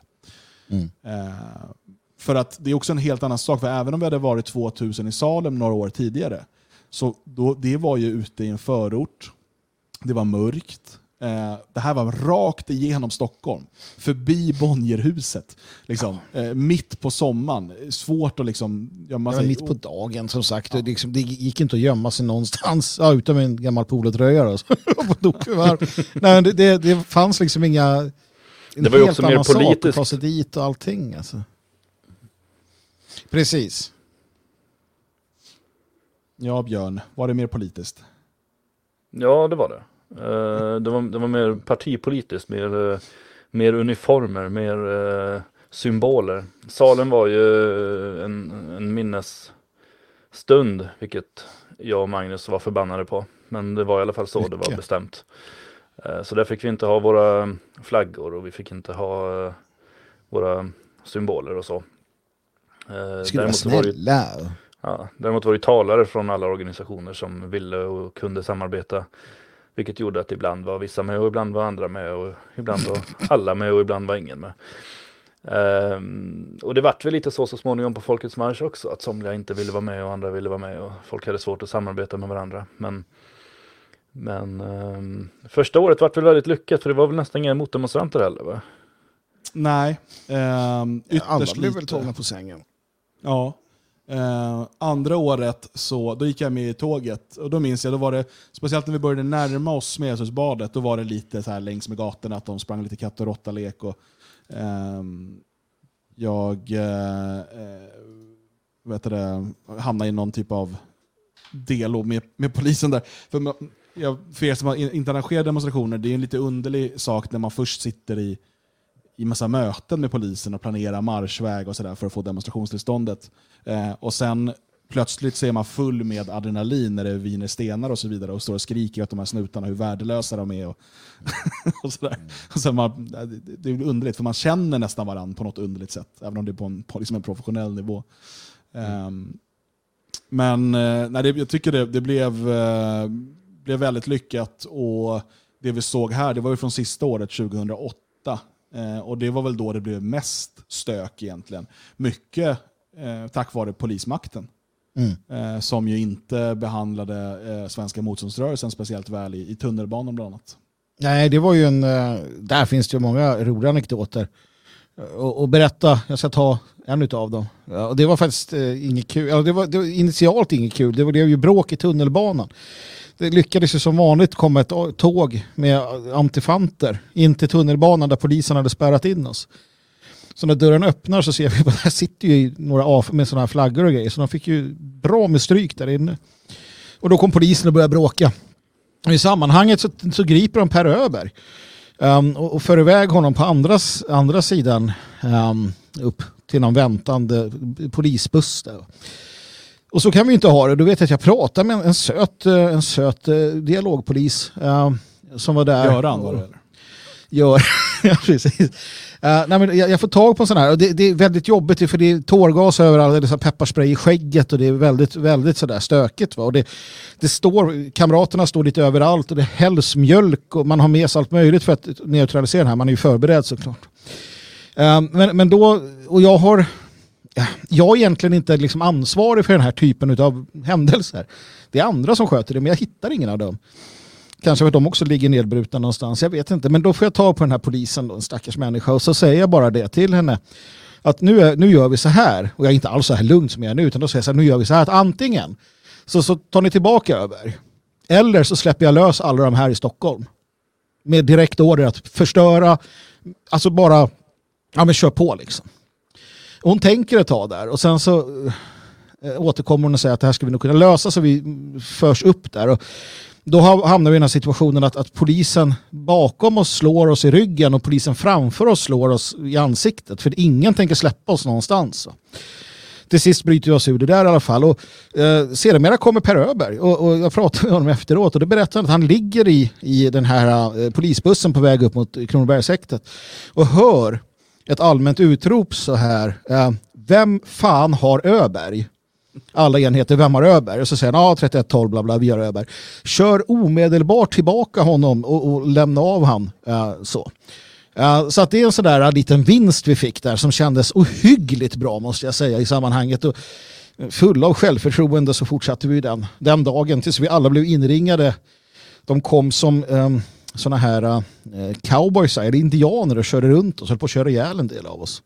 Mycket spännande. Gud vad roligt det här var. Vi skulle kunna prata om den här marschen hela programmet känner jag nu. Det är den Ja, vi- sista stora sådana där också som, som jag i alla fall tror att jag är med om. Vi skulle också kunna prata om att eh, du ville bojkotta Folkets marsch. Alltså, gjorde väl det va? Ett år. Och eh, att det genomfördes en kupp. Eh, det var ju det där- året. Så. Det var det året Men ja. bojkottade ni Eh, inte ett år och sen var ni med och kuppa året efter? Eller? Jo, då eh, kan det ju varit en del provokation, provokationer också. Och sådär. Eh, stämmer bra det. Vi, vi, uh, vi kuppa och bojkottade. Vi bojkottade, sen kuppade vi tyckte vi. Det var en bra idé. Så var det. Eh, men det, det var ganska kul i alla fall. Och så. Eh, Det var kul när vi var unga. Ja men det var ju det. hade sånt där Jag, jag tycker så synd om ung, alltså ungdomen som inte är med om den här typen utav... Men eh, jag har ett sådant där minne från där 2008, Ja. 2008 när eh, i slutet, för då är, det avslutar på Gärdet, och polisen väljer att öva någon ny taktik på oss genom att köra in med polisbilarna från alla håll samtidigt. Vi står liksom bara som fångade i mitten. Och så börjar de bara springa ut, först kör de ju bara på folk, och sen börjar de springa ut och börja veva och, och griper folk och, och sådär. Eh, och... Eh, folk liksom nedtryckte nedtryckta i gräset, så så de lyfter iväg dem en efter en. Och då minns jag eh, Thomas Ölund, hur han lyfts av två poliser, sträcker ut armarna och börjar sjunga I believe I can fly. det är ett sånt minne jag har kvar från, från 2008. Han, han, jag kan, till, till saken höra att när den där polischocken sker då, då får jag för mig att jag på något sätt ska eh, smidig som jag är komma undan det där. Så jag tränger mig förbi någon sån där eh, polisbuss och hamnar just i famnen på, på Thomas. Eh, som sådär, ja men kom här, jag ska gömma dig. Eh, och då får jag någon sån här t-shirt han har hittat någonstans, som en gammal Info 14 t-shirt, som den sitter inte alls bra och sådär, här ta på den här. Och jag så här, ja men jag står och hänger med er så här. Och tänker att det är mig kommer de inte se. Men det gör de ju, så det kommer ju några sådana här bastanta konstaplar till sist och så blir vi alla sittande i den där gassande värmen där. Det är kul. Det är kul. Ja. Men alltså, det är dags för lite sånt kanske i Stockholm, är det inte det? Vi Igen. får se vad som händer framöver. Han. Ja.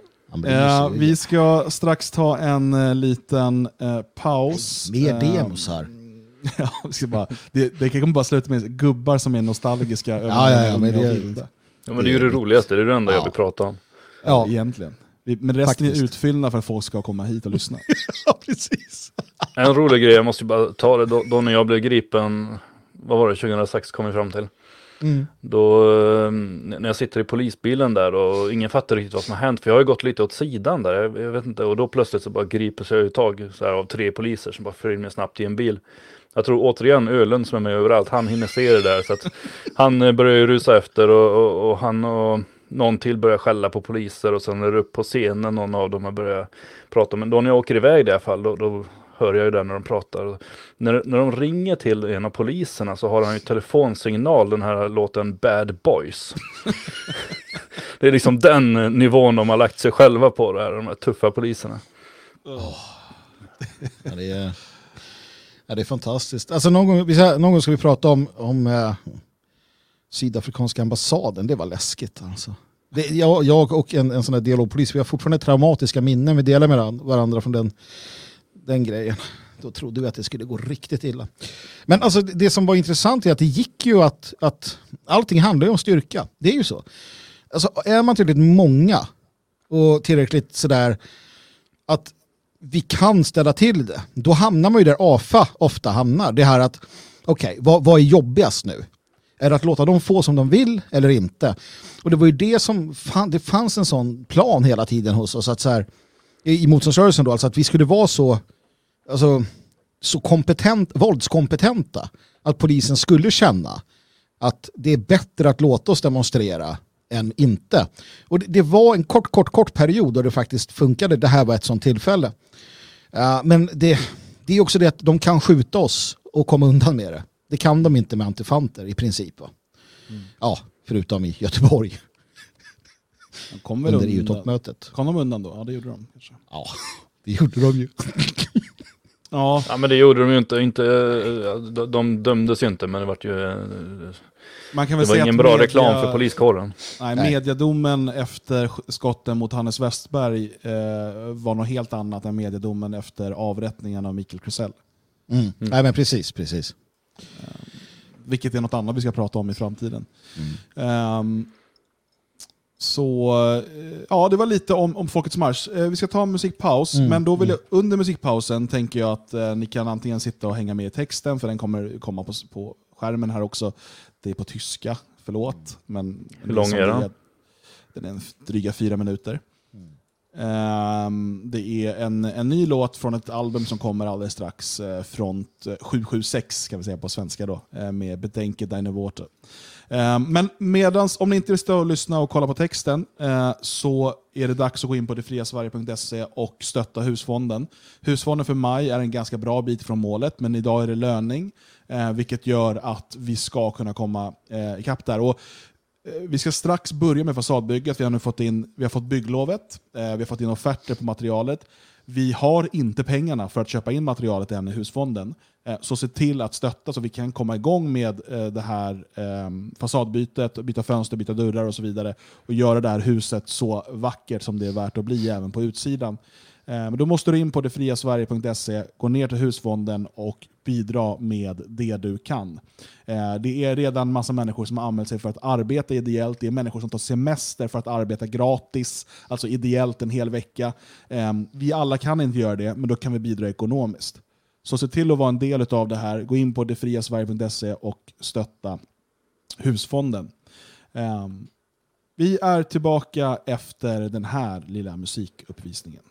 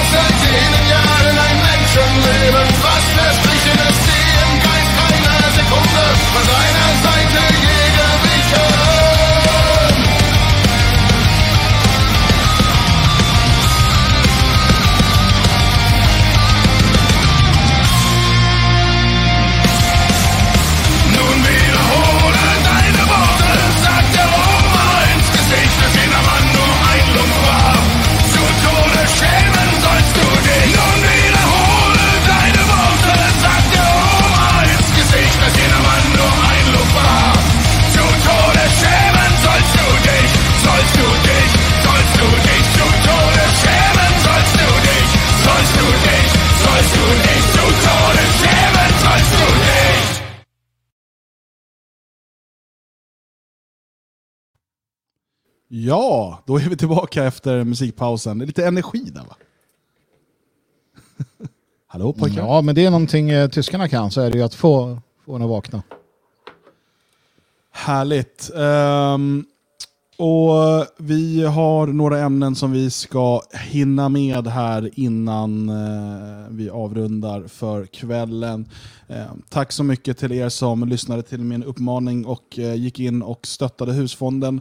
Eh, om du inte hann göra det i pausen så gör det efter sändning på detfriasverige.se. Ehm, jag tänker att vi tar det ämne som vi har skjutit på så länge först nu. Så att vi inte tar någonting annat innan och så blir det för sent och så hinner vi inte. Eh, Björn, vad var din hemlighet egentligen? Nej, det var inte det vi skulle prata om. Nej, det var ju Magnus ämne vi skulle prata om, men han stack ju. Magnus försvann och därför måste vi prata om dig Björn. Ehm, kan du lova att berätta om det här om två veckor när vi är tillbaka? Jag säger som du, jag kan ju lova att kanske berätta om det. Ja. Det finns många spekulationer eh, i chatten, bland annat att du ska gått med i någon kurdisk kulturförening. Mm, mm, mm. Kan du dementera detta? Nej, det kan jag inte göra. Var, varken bekräfta eller dementera? Nej. Nej. Nu verkar Magnus vara tillbaka också. Jag har eh, lite dator eller sådana där internetbekymmer förstår ni mina vänner. Ja, men du passar ju på att sticka nu. Du, du försöker ju hela tiden komma undan där. Nu ska vi prata om ditt ämne. Ursäkta, nu, nu laggar du igen här. Vänta. Nej, just det, det är video. Usch. Annars, annars nej, men det är ett viktigt realistiskt. Jag är, eh, jag är redo att prata om det ämnet om det är det ämne jag tror att det är. Just det. Eh, det är ju någonting som sker eh, väldigt ofta. Det kommer upp i ens flöde ehm, filmklipp på vita eller svenskar som blir eh, på olika sätt misshandlade, förnedrade. Ehm, jag tror aldrig det har Jag har sluppit se våldtäkter än så länge, men känns som att det hade kunnat spridas om folk hade kommit över ehm, det, det här kommer ganska ofta i flödet och det delas frenetiskt. Eh, ofta med arga kommentarer om hade jag varit där då jäklar eller nu måste Röven sluta och sånt där. Ehm, vad, vad, vad tänker du när du får upp de här videoklippen i dina, dina flöden, Magnus? Um, det, det är få saker som kan så att säga knäcka mig någonstans. Uh, det har jag insett efter alla dessa år.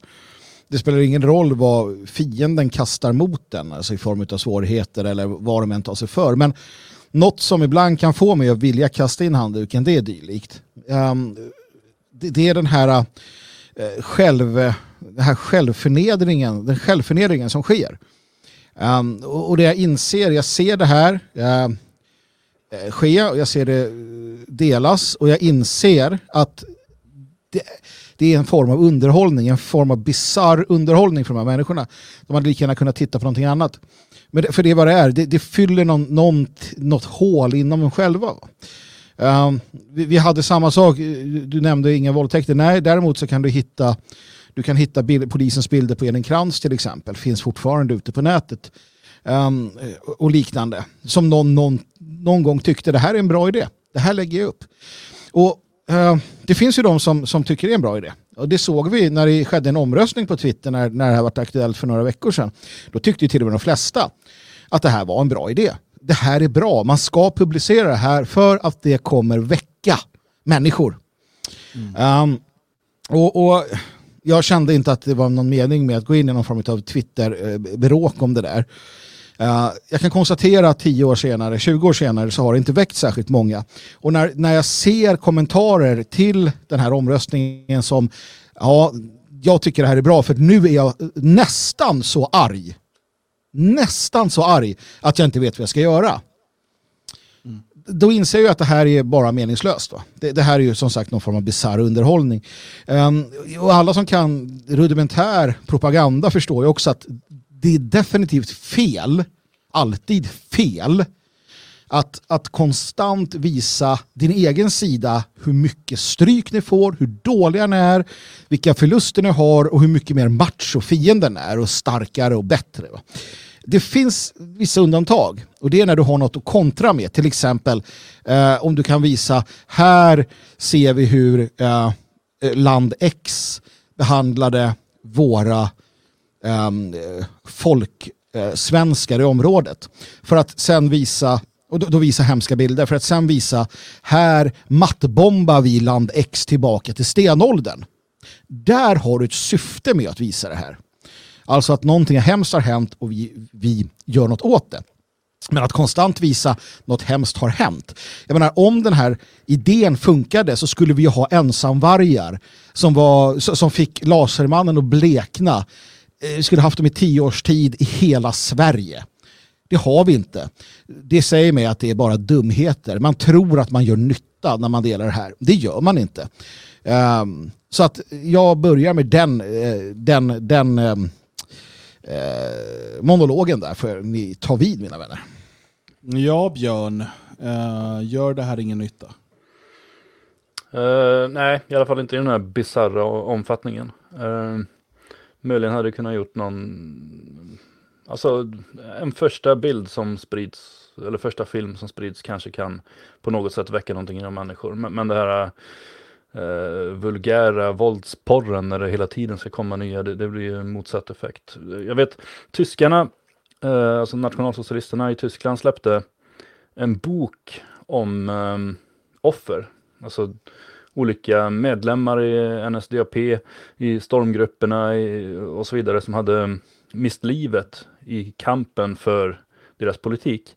Men den boken släppte de ju efter att de hade kommit till makten. Då släppte de mm. boken, dels för att berätta vilka hårda år det hade varit, hur jävla hårt de hade kämpat för att komma dit och sen också för att hylla alla de här kämparna. Och då var det ganska ingående berättelser, det var, det var ganska, alltså i princip hade det varit på film så hade det varit i princip det vi ser sprids nu.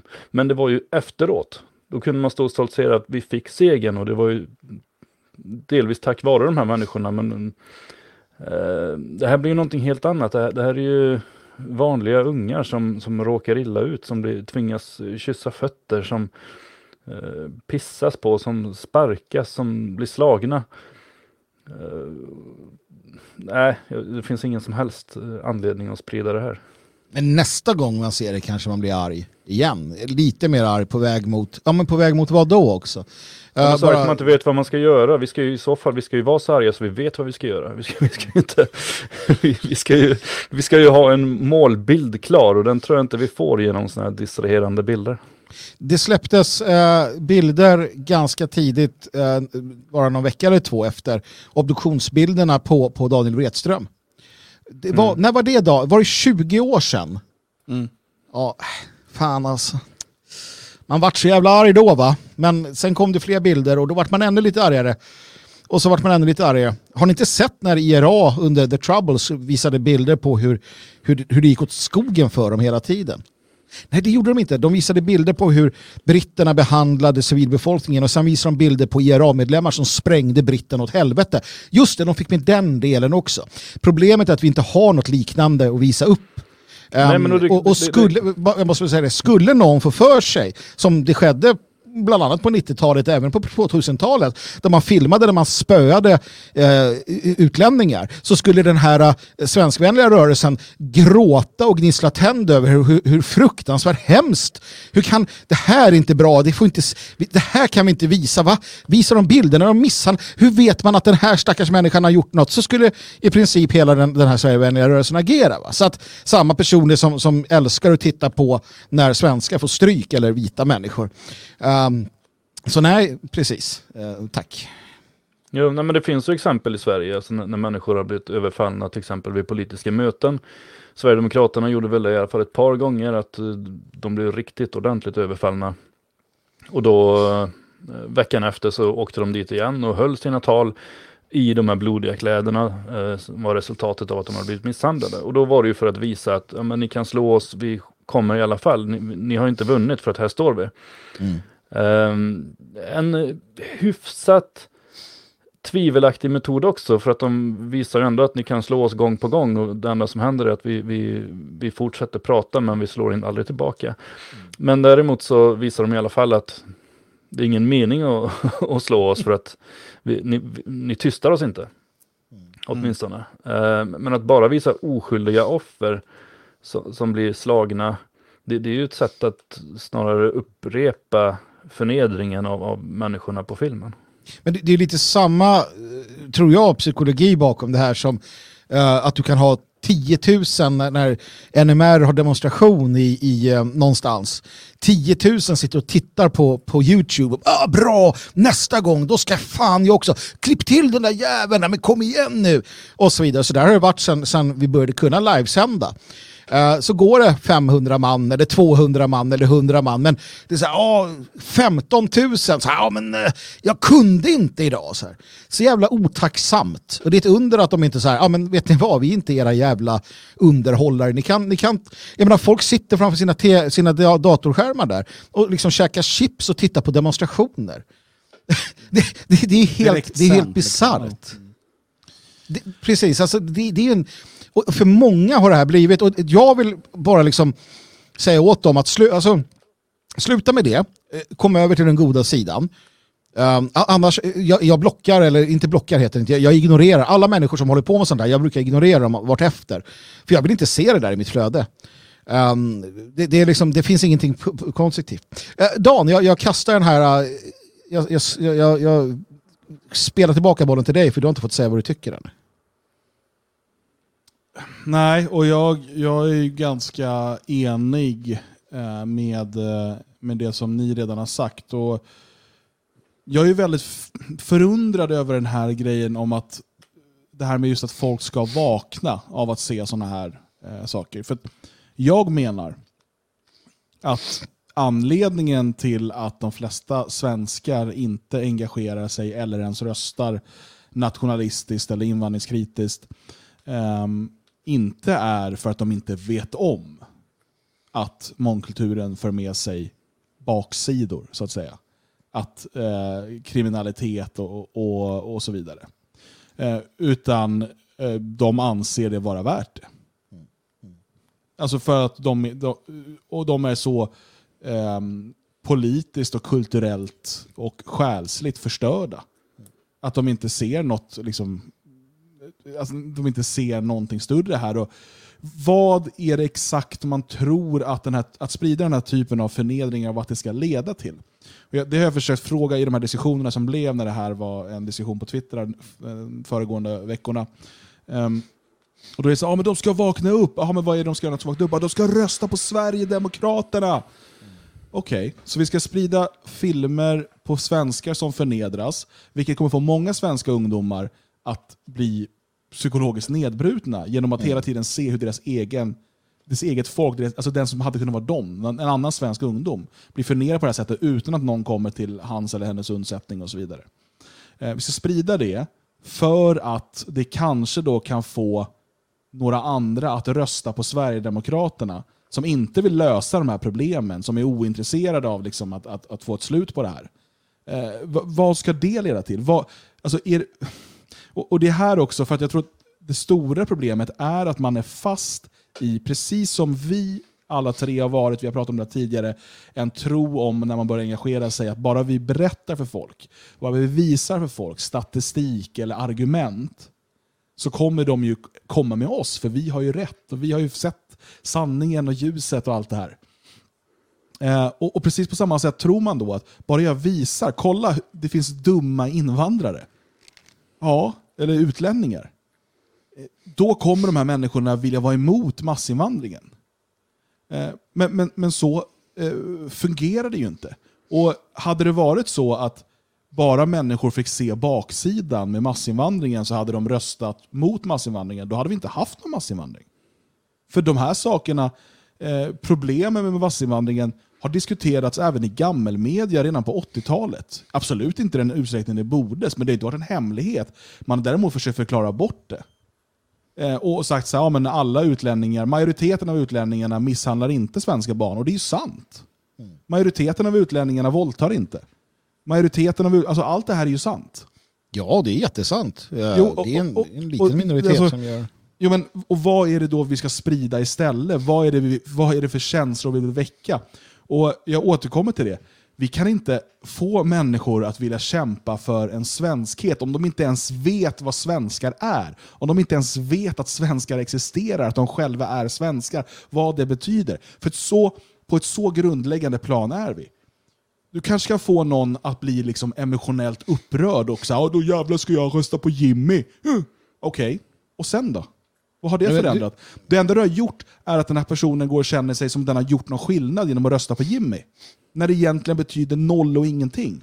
Ja, men det är ett första steg, det är ett första steg. Okej, berätta nu för mig, när, vad är det andra steget? När ska det tas? Vad har du för bevis för att det finns ett andra steg som tas sen? För jag har sett det här, eh, diskussion bara idag. Ja, jo, men det- kommer bli, vi kommer bli mer som Danmark och våra nordiska grannländer, det är mycket bättre. Och då har det liksom byggts en nationalistisk acceptans och då är folk redo för nästa steg. Okej, varför har Sverige den största, bästa, mest professionella etnonationalistiska rörelsen i Norden? Det är inte Danmark, det är inte Norge, det är inte Finland, det är inte Island. Där det finns populistiska partier som Sverigedemokraterna vid makten eller väldigt nära den. Det är inte där som det växer någon stor etnonationalistisk rörelse. Det där är bullshit. All fakta visar på motsatsen. Får Sverige, ju större Sverigedemokraterna blir, desto mindre kommer den etnonationalistiska, om vi, om vi ska följa våra nordiska grannländer, desto mindre kommer den etnonationalistiska rörelsen att bli. Alltså, jo, men och dessutom måste man ju titta på Danmark. Vad är det för ett jävla land egentligen? Alltså, Nej, men det är ju klart att det är ju helt... eh, vi- får hela tiden rapporter om liksom, eh, politiker som säger och gör bra saker. Men, men landet är ju ändå helt fullt av främlingar. Det, det går runt i Köpenhamn, det är ju inget eh, danskt, eh, det är ingen dansk stad, utan det kryllar ju av främlingar där.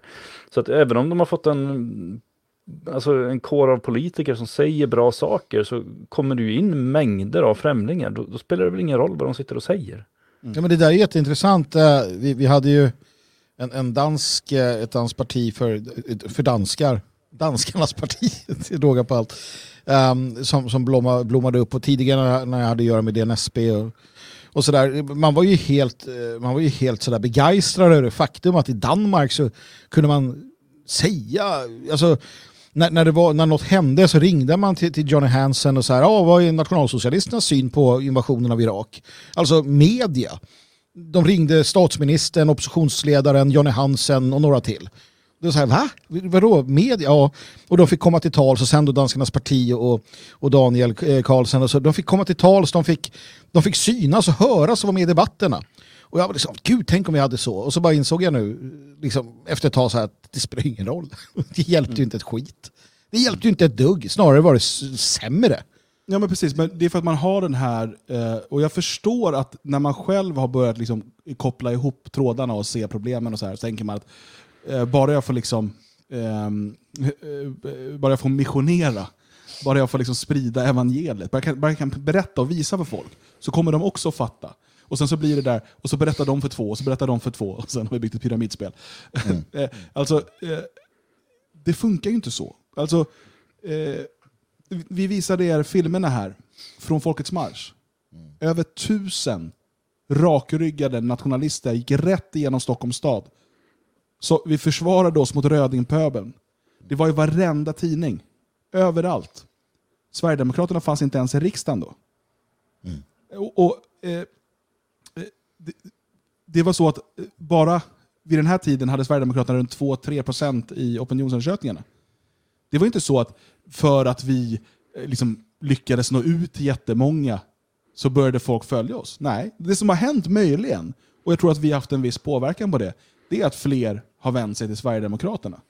Men, Och där finns ju den här tron, och det här måste, för det här är en hemmasnickrad teori, att om först Sverigedemokraterna får komma fram, då kommer sen eh, liksom, det komma något nationellt. Men när, när satt Dansk Folkeparti i regering i Danmark för första gången? Det är 15 år sedan.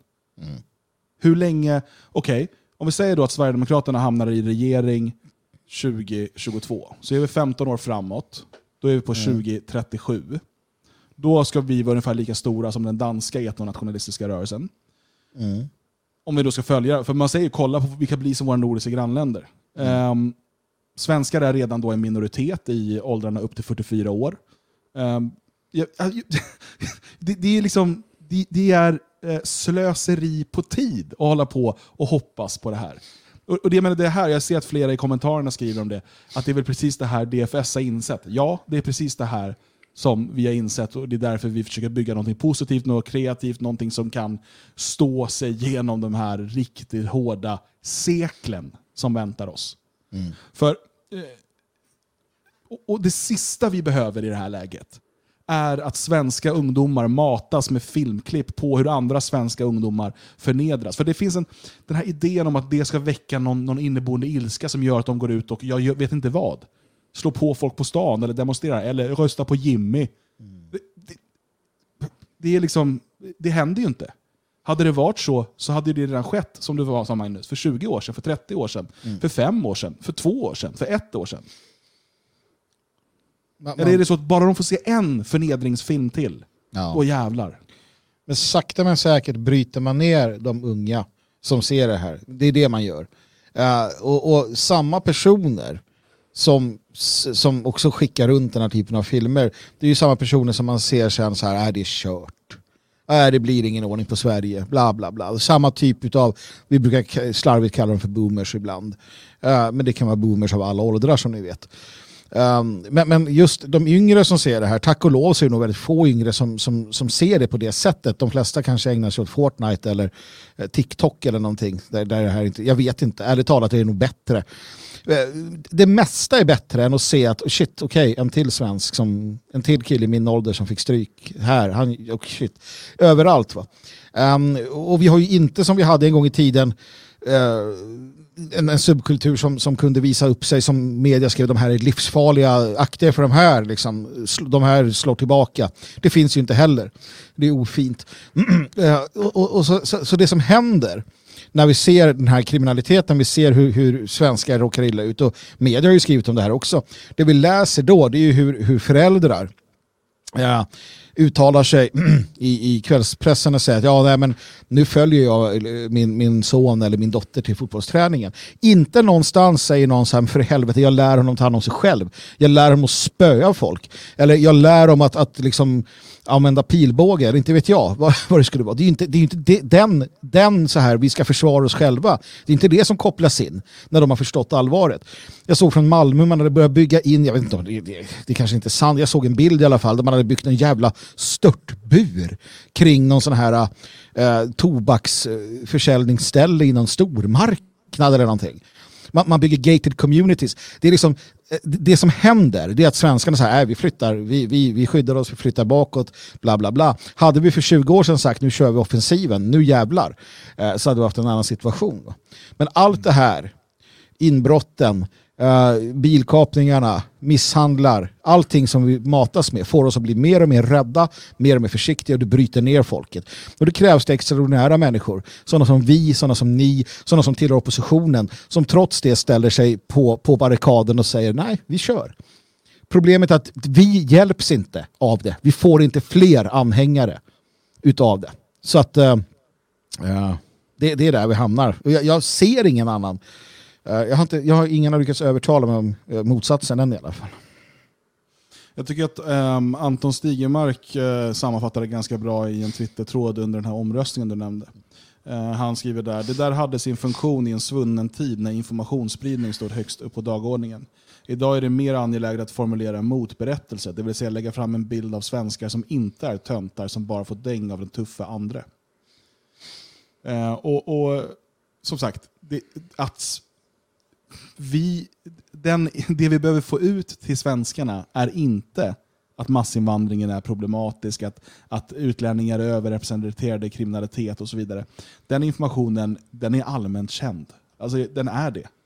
Men vad har jag för alternativ då? I alternativet det är ju liksom då på något sätt identifiera mig med de där som får stryk. Är det det som är alternativet? Det är ju här vi måste presentera ett alternativ som är attraktivt, som är vinnande.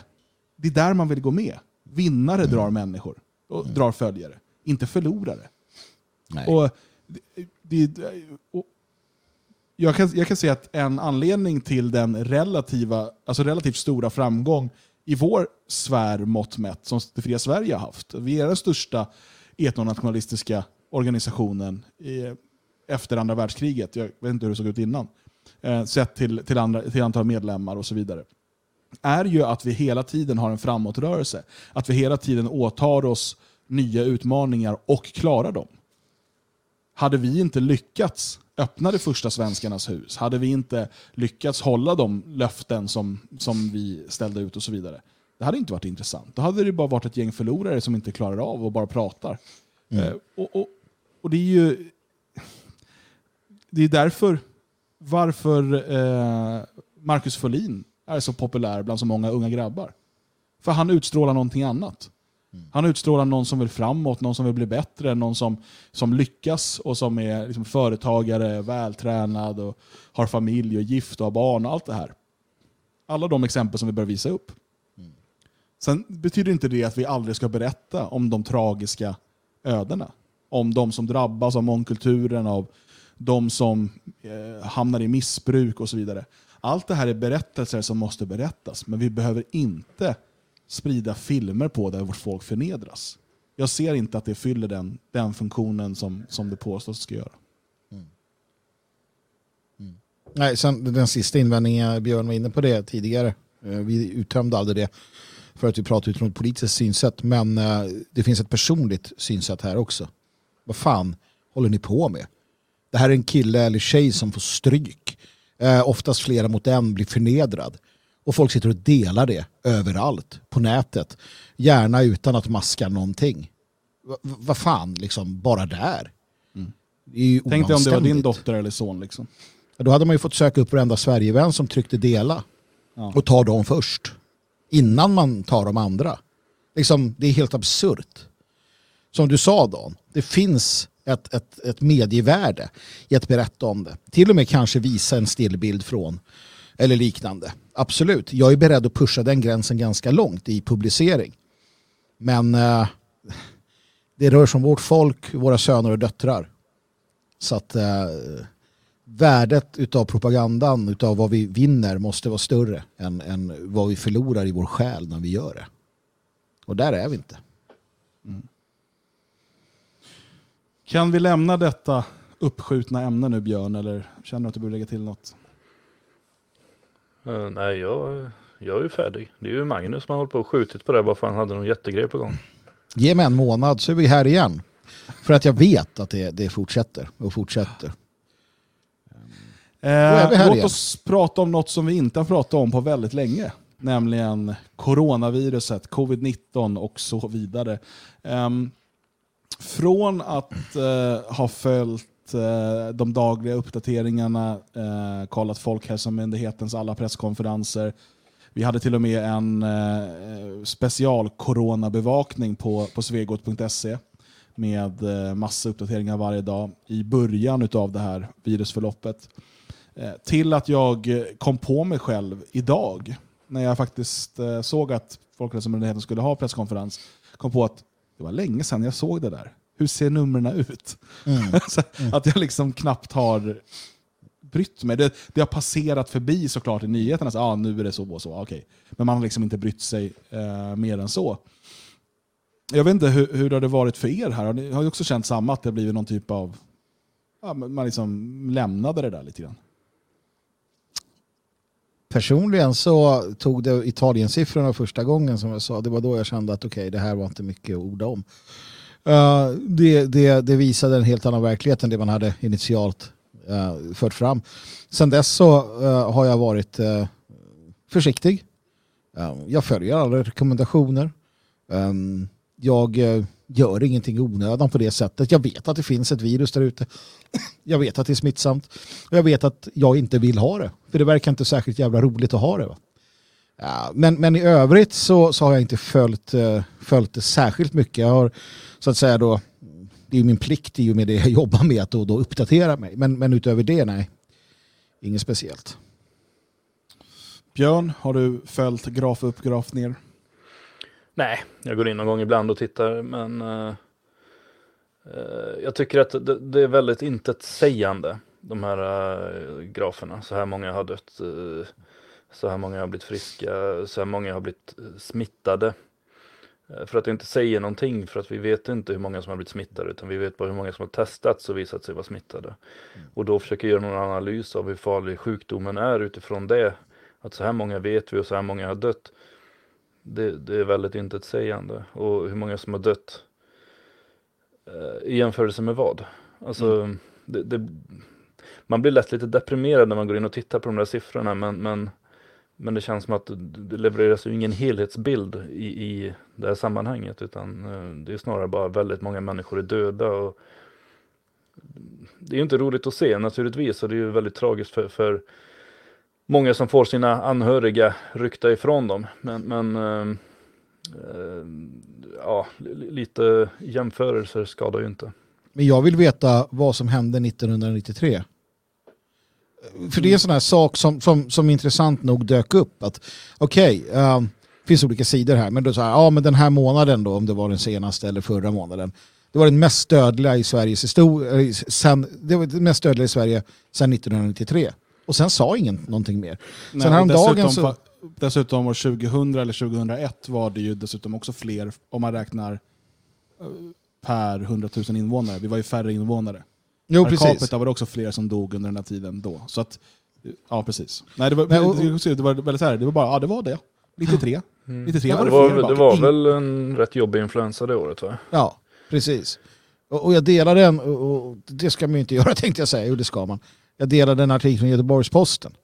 Där de tittade på siffrorna igen. Då. Jag, jag har valt att, att ganska nu under hela coronapandemin eh, sluta, jag tänker inte på människor på det sättet. Jag tänker på siffror, jag tänker på, på, på liksom, precis som man gör med, under massinvandringen. Det är eh, ettor och nollor i ett flödesschema. För att, för att få någon uppfattning. För börjar man tänka på, som du, du pratade om där Björn, de här personliga ödena, herregud, då, då går man ju sönder. Eh, Men för att kunna behålla någon, någon form av proportionalitet där och kunna följa det här, som man ändå måste göra utifrån det arbete jag har, så tittar jag på det på det sättet och försöker inte tänka på, på de personliga ödena. Och då kan jag ju bara konstatera enligt det som GP kommer fram med, som, som uppenbarligen är siffror, om man inte nu bara ljuger överallt, då, att, att eh, nej, eh, överdödligheten var i princip eh, i, i- i det stora hela inte särskilt mycket. Eh, mot hur Och- det brukar se ut. Och, och då får man skäll. För så där får man ju inte säga. Det finns ju en grupp, ett segment av människor som säger att så där får man absolut inte säga. För att, jaha, för någon som så här undrar, ska du rösta på eh, Stefan Löfven nu också? Varför skulle jag göra det? Jättekonstig Det kommentar. kanske du ska. Jag- vet, måste jag det för att jag konstaterar att Får han överdödligheten... corona då eller? Ja, jag vet inte. Jag, jag har ingen aning. Nej, men, men och för mig eh, att följa, och det blir lite som det här när man ser eh, vältrandet i, i de här föreningsfilmerna, det blir lite samma sak här. Att, att så här, eh, man, har, man har målat upp någon typ av narrativ eh, på internet och det är allt ifrån liksom Sverigevänner till, till andra. Alltså det här är väldigt, det, det tar över de flesta politiska linjer. ehm, där man då alltså i stort sett att människor inom vården och äldrevården håller på och mördar pensionärer för att de är för dyra i drift. Eh, och Magnus, du brukar dra något exempel så med hur mycket är typ 100 000 apelsiner? Är liksom, hur mycket Ja, precis. precis. Alltså vi kan inte förstå det. Det är samma sak här. När någon säger så här, ja, men nu, eh, det, har, det har avlidit eh, 1800 personer eller vad det var, på, in, i, på äldreboenden i covid-19. Okej, det låter jättemycket, men ja, vad, i vilken kontext ska jag sätta in det här? Vad ska jag jämföra det med? Och det är då när man börjar se på överdödligheten, för vi har en överdödlighet. Det har vi jämfört med till exempel förra året. Ja, ja. Men den är ju inte alls så pass stor att man kan... Alltså, tonläget från de här människorna är ju någonting... Alltså, det, det motsvarar inte situationen vi är i. Och läskigast i det här, det är ju de som... För jag undrar, så här, men vad, för att det finns många saker vi kan kritisera den svenska regeringen för när det gäller det här. Alltså hur äldrevården är uppbyggd, att det jobbar en massa människor i äldrevården som knappt kan svenska, eh, att vi inte har något beredskapslager, att man inte eh, tidigare eh, bara började smittspåra och att man inte kanske införde besöksförbud tidigare på äldreboenden. Alla de här sakerna. Allt det här går liksom att, att, att kritisera. Men därifrån till att de som jobbar inom vården på något sätt liksom skulle låta äldre dö utan... De får inte den vård de ska ha. Alltså helt ärligt, att sätta en multisjuk 89-åring i eh, respirator, det är att döda den personen. I de allra, allra, allra flesta fall. Och att, att man då skulle skita i de här människorna. Alltså, ja, men de, de eh, får pal, bara palliativ vård. Ja, så är det allt som oftast för multisjuka människor i hög ålder. Mm. Och vi kan tycka att det är fel och så vidare. Jag är ingen medicinsk expert. Men jag har talat med människor som är medicinska experter som säger att det här är, inte, det här är ingenting nytt för corona, utan det är för att det är det, minst, alltså det är det bästa man kan göra för de här människorna i det här läget. Vi vet att 20% eh, av de som kommer in i svensk äldrevård dör inom en månad. Innan corona. Innan corona. Ja. Var femte person dör under den första månaden. Eh, och Det här var också något jag delade och då kom det direkt så här, Åh, men det betyder att man måste genomföra folkmord på de andra. Men det, det, det här är provocerande, ytterst provocerande. Jag vet inte om ni, om ni känner människor som arbetar inom vården eller eh, sjukvården eller ambulanssjukvården eller för den delen äldrevården. Gör ni det eh, och hör det här. Jag förstår inte, som, ni säger, som du säger, ehm, det sker alltså ett massmord via tortyrdöd på våra äldreboenden och våra sjukhus. Och det är då svenska, för det är primärt svenskar som jobbar inom sjukvården fortfarande då. Sjuksyrror och andra, jag känner en del som jobbar med detta. De här är alltså en del utav detta. Och det tror folk på fullaste allvar. Um, det är så hyggligt groteskt. Um, att, att, att, att det är svårt att förstå hur man kan vara så jävla tillbakabildad. Att man, att man, att man för fram detta. Uh, men tydligen är det på det sättet. Då. Eh, och, och Jag vet inte om, om det är det egna dåliga samvetet över att man satte sina gamlingar på äldreboendena som, som, som vaknar till liv eller liknande. Um, för uh, någonting, någonting absurt är det. Och, och, och tack och lov är det en, en liten minoritet som håller på med sånt där, eh, sånt där dynga. Tyvärr en högljudd och den, den, den får, mobiliserar ändå en viss tveksamhet. Sen finns det problem inom svensk sjukvård och det är inte de som jobbar alla de här långa passen utan det är eh, hur, hur man har avvecklat den och, och, och underfinansierat den och på alla sätt och vis ställt till det för sig. Men det, är- det är politikerna och de ska vi, de ska vi liksom kölhala. Men när man börjar ge sig på svenska sjuksyrror, läkare, människor som är där och arbetar med det här, då, då säger jag rött alltså. Mm. Nej, och sen, eh, och vi har ju tagit det som ett skräckexempel, men, eh, och, och, och det utgör ju någon typ av extrem variant, eller extrem här. Det är ju Fria Tiders ehm, le, ledarartikel från 2 april där de skrev stäng hela Sverige. Ehm, där man ropade efter den här typen av ja, inlåsning som vi såg eh, i vissa länder i Europa. Där man också hävdade då att eh, i slutet av april så skulle Sverige ha 120 000 döda. Ehm, så sen eh, skriver man också att det kommer inte bli så för folk har tagit eget ansvar. Så det kommer inte bli riktigt så många. Ehm, men Det var ju rätt ju. ja, Men varför Eh. behövdes då åtgärderna? Ja, men så här skrev man ju. Om flockimmunitetsstrategin, vilket man inte aldrig riktigt har sagt att man ska ha, fungerar så som makthavarna tänkt sig så ska Sverige i slutet av april ha 120 000 döda, oavsett vad vi gör idag. Då det i genomsnitt tar nästan fyra veckor från smittotillfället till döden. Ehm, um, så, så blev det ju inte. Uh, för att det, det kom, ja, de skrev här själva att det kommer tappa tempo innan 120 000 människor har dött. Eh, även om det inte spelar någon roll vad man gjorde idag. Jag fick inte riktigt ihop det. Hur som helst, jag har sett människor som, som har krävt det här i Sverige. De börjar försvinna nu. Nu fokuserar man mer på det här med äldrevården. Eh, och Det man ska veta då är att inom äldrevården nu så har vi en ganska ständigt sjunkande siffror på folk som dör och smittas inom äldrevården. Man fick koll på det, men alldeles för sent. Absolut, och det där, det där ska utredas och kritiseras. Men det här idén om att vi, att, eh, som vi skulle stänga ner ännu mer, vi har stängt ner väldigt mycket ska man veta, eh, och tvinga folk att låsa in sig, och man ska, det är kontaktförbud och allt det här som vi såg till exempel i Tyskland. Eh, och Jag tycker det är så intressant, och jag har varit inne på det förut, men jag har sett det här då från den så kallade Sverigevänliga rörelsen i Sverige, samtidigt som alla nationella runt om i Europa är ute och demonstrerar där det går eller på andra sätt, sätt kampanjer för att få bort den här typen av, som man då kallar för till exempel i, i, i Italien kallar man det för, um, vad blir på svenska, alltså diktatoria sanitaria, hälso eller hygiendiktaturen eller vad det ska kallas för.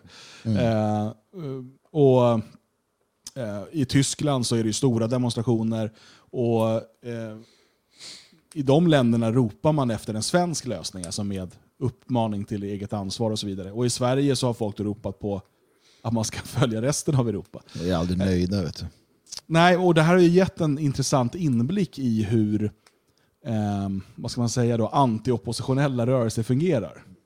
Att det viktiga blir någonstans att ställa sig emot varenda beslut som makten tar. Inte liksom att ha någon kanske stark ideologisk linje.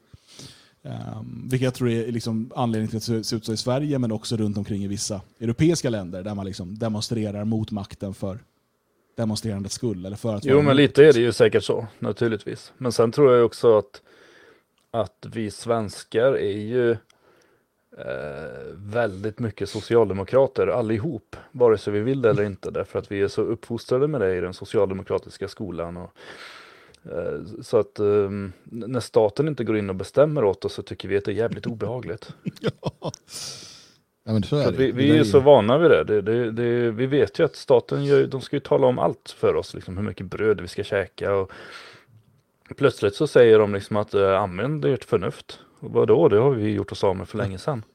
Det har vi inget. Vi- Ni lovade att vi inte skulle behöva det efter, efter 69, 68. Um, nej, men jag, jag har en annan sån här uh, invändning själv. Um, alltså det finns ju de som, vad som än händer, så är det en konspiration. Och ibland får ju de rätt naturligtvis, eftersom ibland har de rätt. Uh, så att om man lämnar det där här och tar då liksom vanligt folk i, i allt väsentligt, eller sådana som, som för jag såg Tucker Carlson, uh, han känner du till uh, Björn, du har inte varit med där men du har omnämnts på hans program på Fox. Han pratar om det här och, och it, jag kommer inte ihåg, det är ganska nyligen då i alla fall, han säger det att och han säger eh, eh, att, att media och så skrämde upp oss. Han sa they were scared. We were scared in this show. Alltså han, han, han säger där själv, precis som vi har sagt, att initialt så, så här, fan också. Um, och, och, där, och vi borde, någonstans den här känslan av, jag tror Tucker har den också, att fan jag borde vetat bättre. Jag jobbar ju med det här. Men där menar jag att där måste man förstå den enorma makt som en samlad media har när den så här bestämmer sig för att eh, kabla ut Wuhan-bilderna. Så här farligt är det. Pang, pang, pang. Liksom dödligheten är enorm. Italien. Va, det liksom läggs på hög. Det fanns ingen... Det blev en perfekt storm. Ja, ja, och, och, Jo, och sen dessutom bara den här Imperial College-studien som kom, då, Ja, som, visst. som Boris Johnson sen eh, agerade på, eh, som ju har visat sig vara totalt eh, felberäknad. Och saken är att eh, an, vad ska man säga, matematiska modeller och det blir ofta fel, men den här var Ja. helt uppåt väggarna fel. Eh, och, och den har påverkat väldigt mycket. Eh, och, och dessutom han som var ansvarig för den blev ju sen påkommen med att bryta mot de här restriktionerna som fanns Mm, genom att eh, resa för att träffa sin älskarinna. eh, eller om hon var gift, eller om ihåg, men älskarinna på något sätt var det. Eh, och vi ser andra sådana exempel. I Österrike inför man tvång på ansiktsmask, men man lyckas få foton på Sebastian Kurz när han är ute och går, alltså förbundskanslern, han är ute och går utan ansiktsmask. Då är Trump det. bättre när han, när han så här, ja men det, alla i Vita huset ska ansiktsmask. Gäller det också? Nej nej, jag är undantagen här, jag behöver ingen ansiktsmask. Uh, nej men visst är det sådär va. Och, och problemet är att när man sen hamnar där och så här, ah, nej men det är inte, när man sen intog den positionen, helt plötsligt så, så liksom ser man att då öppnas en annan avgrund. Och där är ju det här, det finns inte. Det finns ingen sjukdom. Det är ingen som är sjuk. Känner du någon som är sjuk? Känner du någon som har varit sjuk? Och, och så öppnas den avgrunden. Ja, det gör jag. Ja, det gör jag också. Och så börjar man slita sig i håret. Sådär, nej, jag, jag tänker inte följa någon, jag skiter i det där, det finns inte. Det är bara, och så här, liksom, jaha, hamnar man där istället. Eh, och återigen, det är ju sånt där som kan liksom nöta ut den. Men alltså, alltså. det, det är ju inte konstigt alltså att man, man tänker sig för eh, hur man beter sig. Det är inte konstigare än att okej, nu går det vinterkräksjuka på arbetsplatsen, eller vad som helst. Mm. Alltså, eh, nu vet vi att det har det här viruset, vi vet att det är droppsmitta, vi vet att det, verkar, alltså det är ganska smittsamt. Eh, inte så smittsamt som man först trodde, men det är smittsamt. Eh, och det verkar jävligt jobbigt om du får en hård släng utav det. Ja. Eh, och kan potentiellt vara livsfarligt. Ja, men var noga med att tvätta händerna. Eh, tänk dig för, slicka inte på lyktstolpar. Eh, håll inte på att krama folk i tid och otid, det är ändå dumheter. Eh, nu har vi slutat med det äntligen. och, och så, eh, sen kan man mer eller mindre fortsätta som vanligt. För sen, det är ju faktiskt så. Och nu ska jag vara sådär kontroversiell och jobbig igen. Eh, men det som gjorde att, att vi, många av oss, eh, gick från att jag höll liksom barnen hemma från allt, vi låste in oss själva hemma, Eh, vi så, såg över preppingskåpet ordentligt och sådär. Eh, och såg till att inte träffa någon, vi isolerade oss frivilligt. Eh, det var ju de här Italien-siffrorna och de har ju visat sig hålla sen hela tiden. Alltså att i stort sett, inte bara, men i stort sett så är det bara eh, multisjuka eh, äldre människor som dör av den här sjukdomen. Det finns andra också, men det, man, nästan alla tillhör någon av de här riskgrupperna. Eh, och så ser det ut liksom med alla sådana här virus och, och influensor och så vidare. Att det tar de här grupperna och så är det några till som stryker med av massa olika anledningar. Till, ibland till och med små barn. Ehm, och, och, när man, eh, och det var det som, som liksom fick att man ändra på sig. Och när man inser det, då måste man ju fråga sig, är det rimligt att vi sätter friska människor i karantän istället för de som är sjuka? Att vi liksom, att, eh, eftersom att ehm, gamla multisjuka människor riskerar att dö av viruset så ska inte unga friska människor kunna gå och titta på fotboll. Men det är ju det här. Så har vi aldrig gjort tidigare. Nej. Aldrig när det har varit pandemier eller virusutbrott. Man har aldrig satt de friska i karantän. Man har satt de sjuka i karantän. Fan, det är en grej det där. Kanske så man ska göra. Va? Mm. Det, är, det är fantastiskt. Nej, men sen, sen måste man ju förstå att det kommer pandemier, det kommer virus. Um, och, och det kommer komma fler. Uh, Jag menar, vi har en, en jord som utan tvekan, jag hävdar att den är överbefolkad utan dess like. finns det de som hävdar att den inte är det. Uh, men jag menar, vi har miljöförstöringar. Vi har, vi har ju de här labben i, i både Kina och Ryssland och USA där man, där man forskar på sånt här. Uh, vi har antibiotika, allting. Det behövs ingen, en, ingen världsvid, och det är också det, den här idén på att det skulle behövas en världsvid eh, superkonspiration för att det ska kunna ske en dylik utveckling. Det kommer komma, sanna mina ord. Både det här och annat elände, naturkatastrofer i, i högre utsträckning och, och säkert värre. Eller ja, sådär, vad det lider. Så att, så att um, um, det gäller ju bara att ha, ha och, och man, man har ju lärt sig mycket av det här och det, det tycker jag väl är bra. Um, vi får väl se, det blir ju inte en, en normal värld efteråt. Uh, hur det här Nej, slår. fy fan vad äckligt det är det här de pratar om, det nya normala. Vi har de uppe och jobbar in hela tiden och det är något vi ska säga, ja, snart är det dags för det nya normala. Det, det är så Orwellskt obehagligt i det. det nya, för då kan man, det, man kan stoppa in lite vad man vill i det. Jaha, nej, du trodde att du skulle få köra bil vart du ville. Nej, men det är det nya normala nu, då får man inte det. Då får man åka buss dit staten säger att bussen går. Ja, nu Fan, börjar kan du vävas, sprida viruset. och nu börjar det vävas ihop med miljörörelsen. Greta och, och gänget börjar ju se en ingång här. Och det, man försöker fler, mer och mer så här, ja, men det är det här, så här blir det när vi har miljöförändringar eller klimatförändringar. Jag är inte riktigt säker på att kinesiska eh, virus från... Och det är också en sån där sak, ja, hur, hur ska man behandla Kina?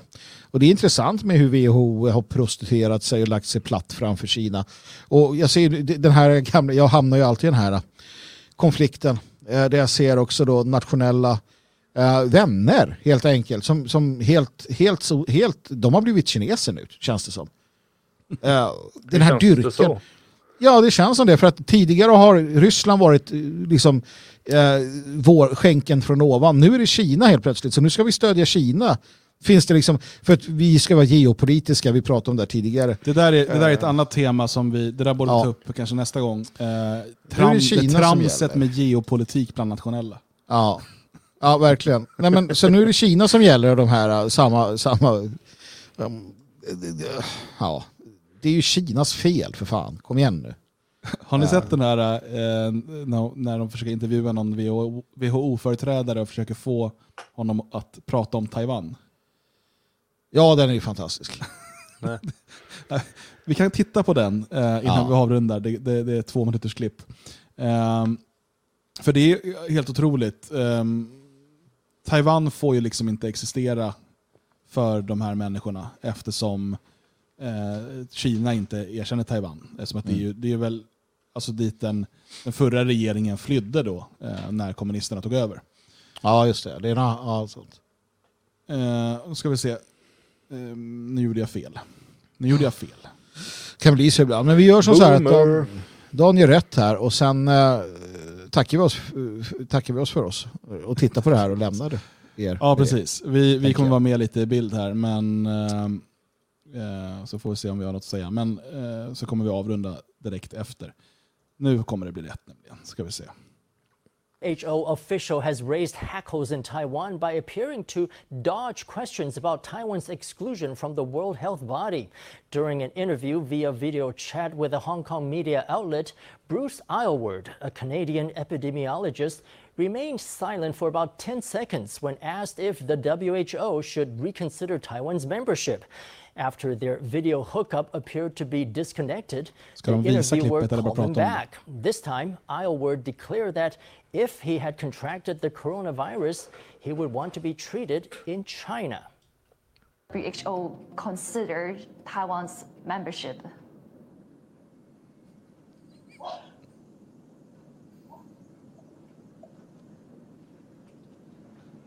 Hello? We, with the, with the, I'm sorry, I can't hear, I couldn't hear your question. okay, yeah, let me, let, let me, let me repeat the question. No, So- that's okay. Let, let's move to another one then. When Islewood was asked about Taiwan, he stalled for close to 10 seconds and avoided a reporter's question. But the reporter persisted. I'm actually curious on talking about Taiwan as well, on Taiwan's case.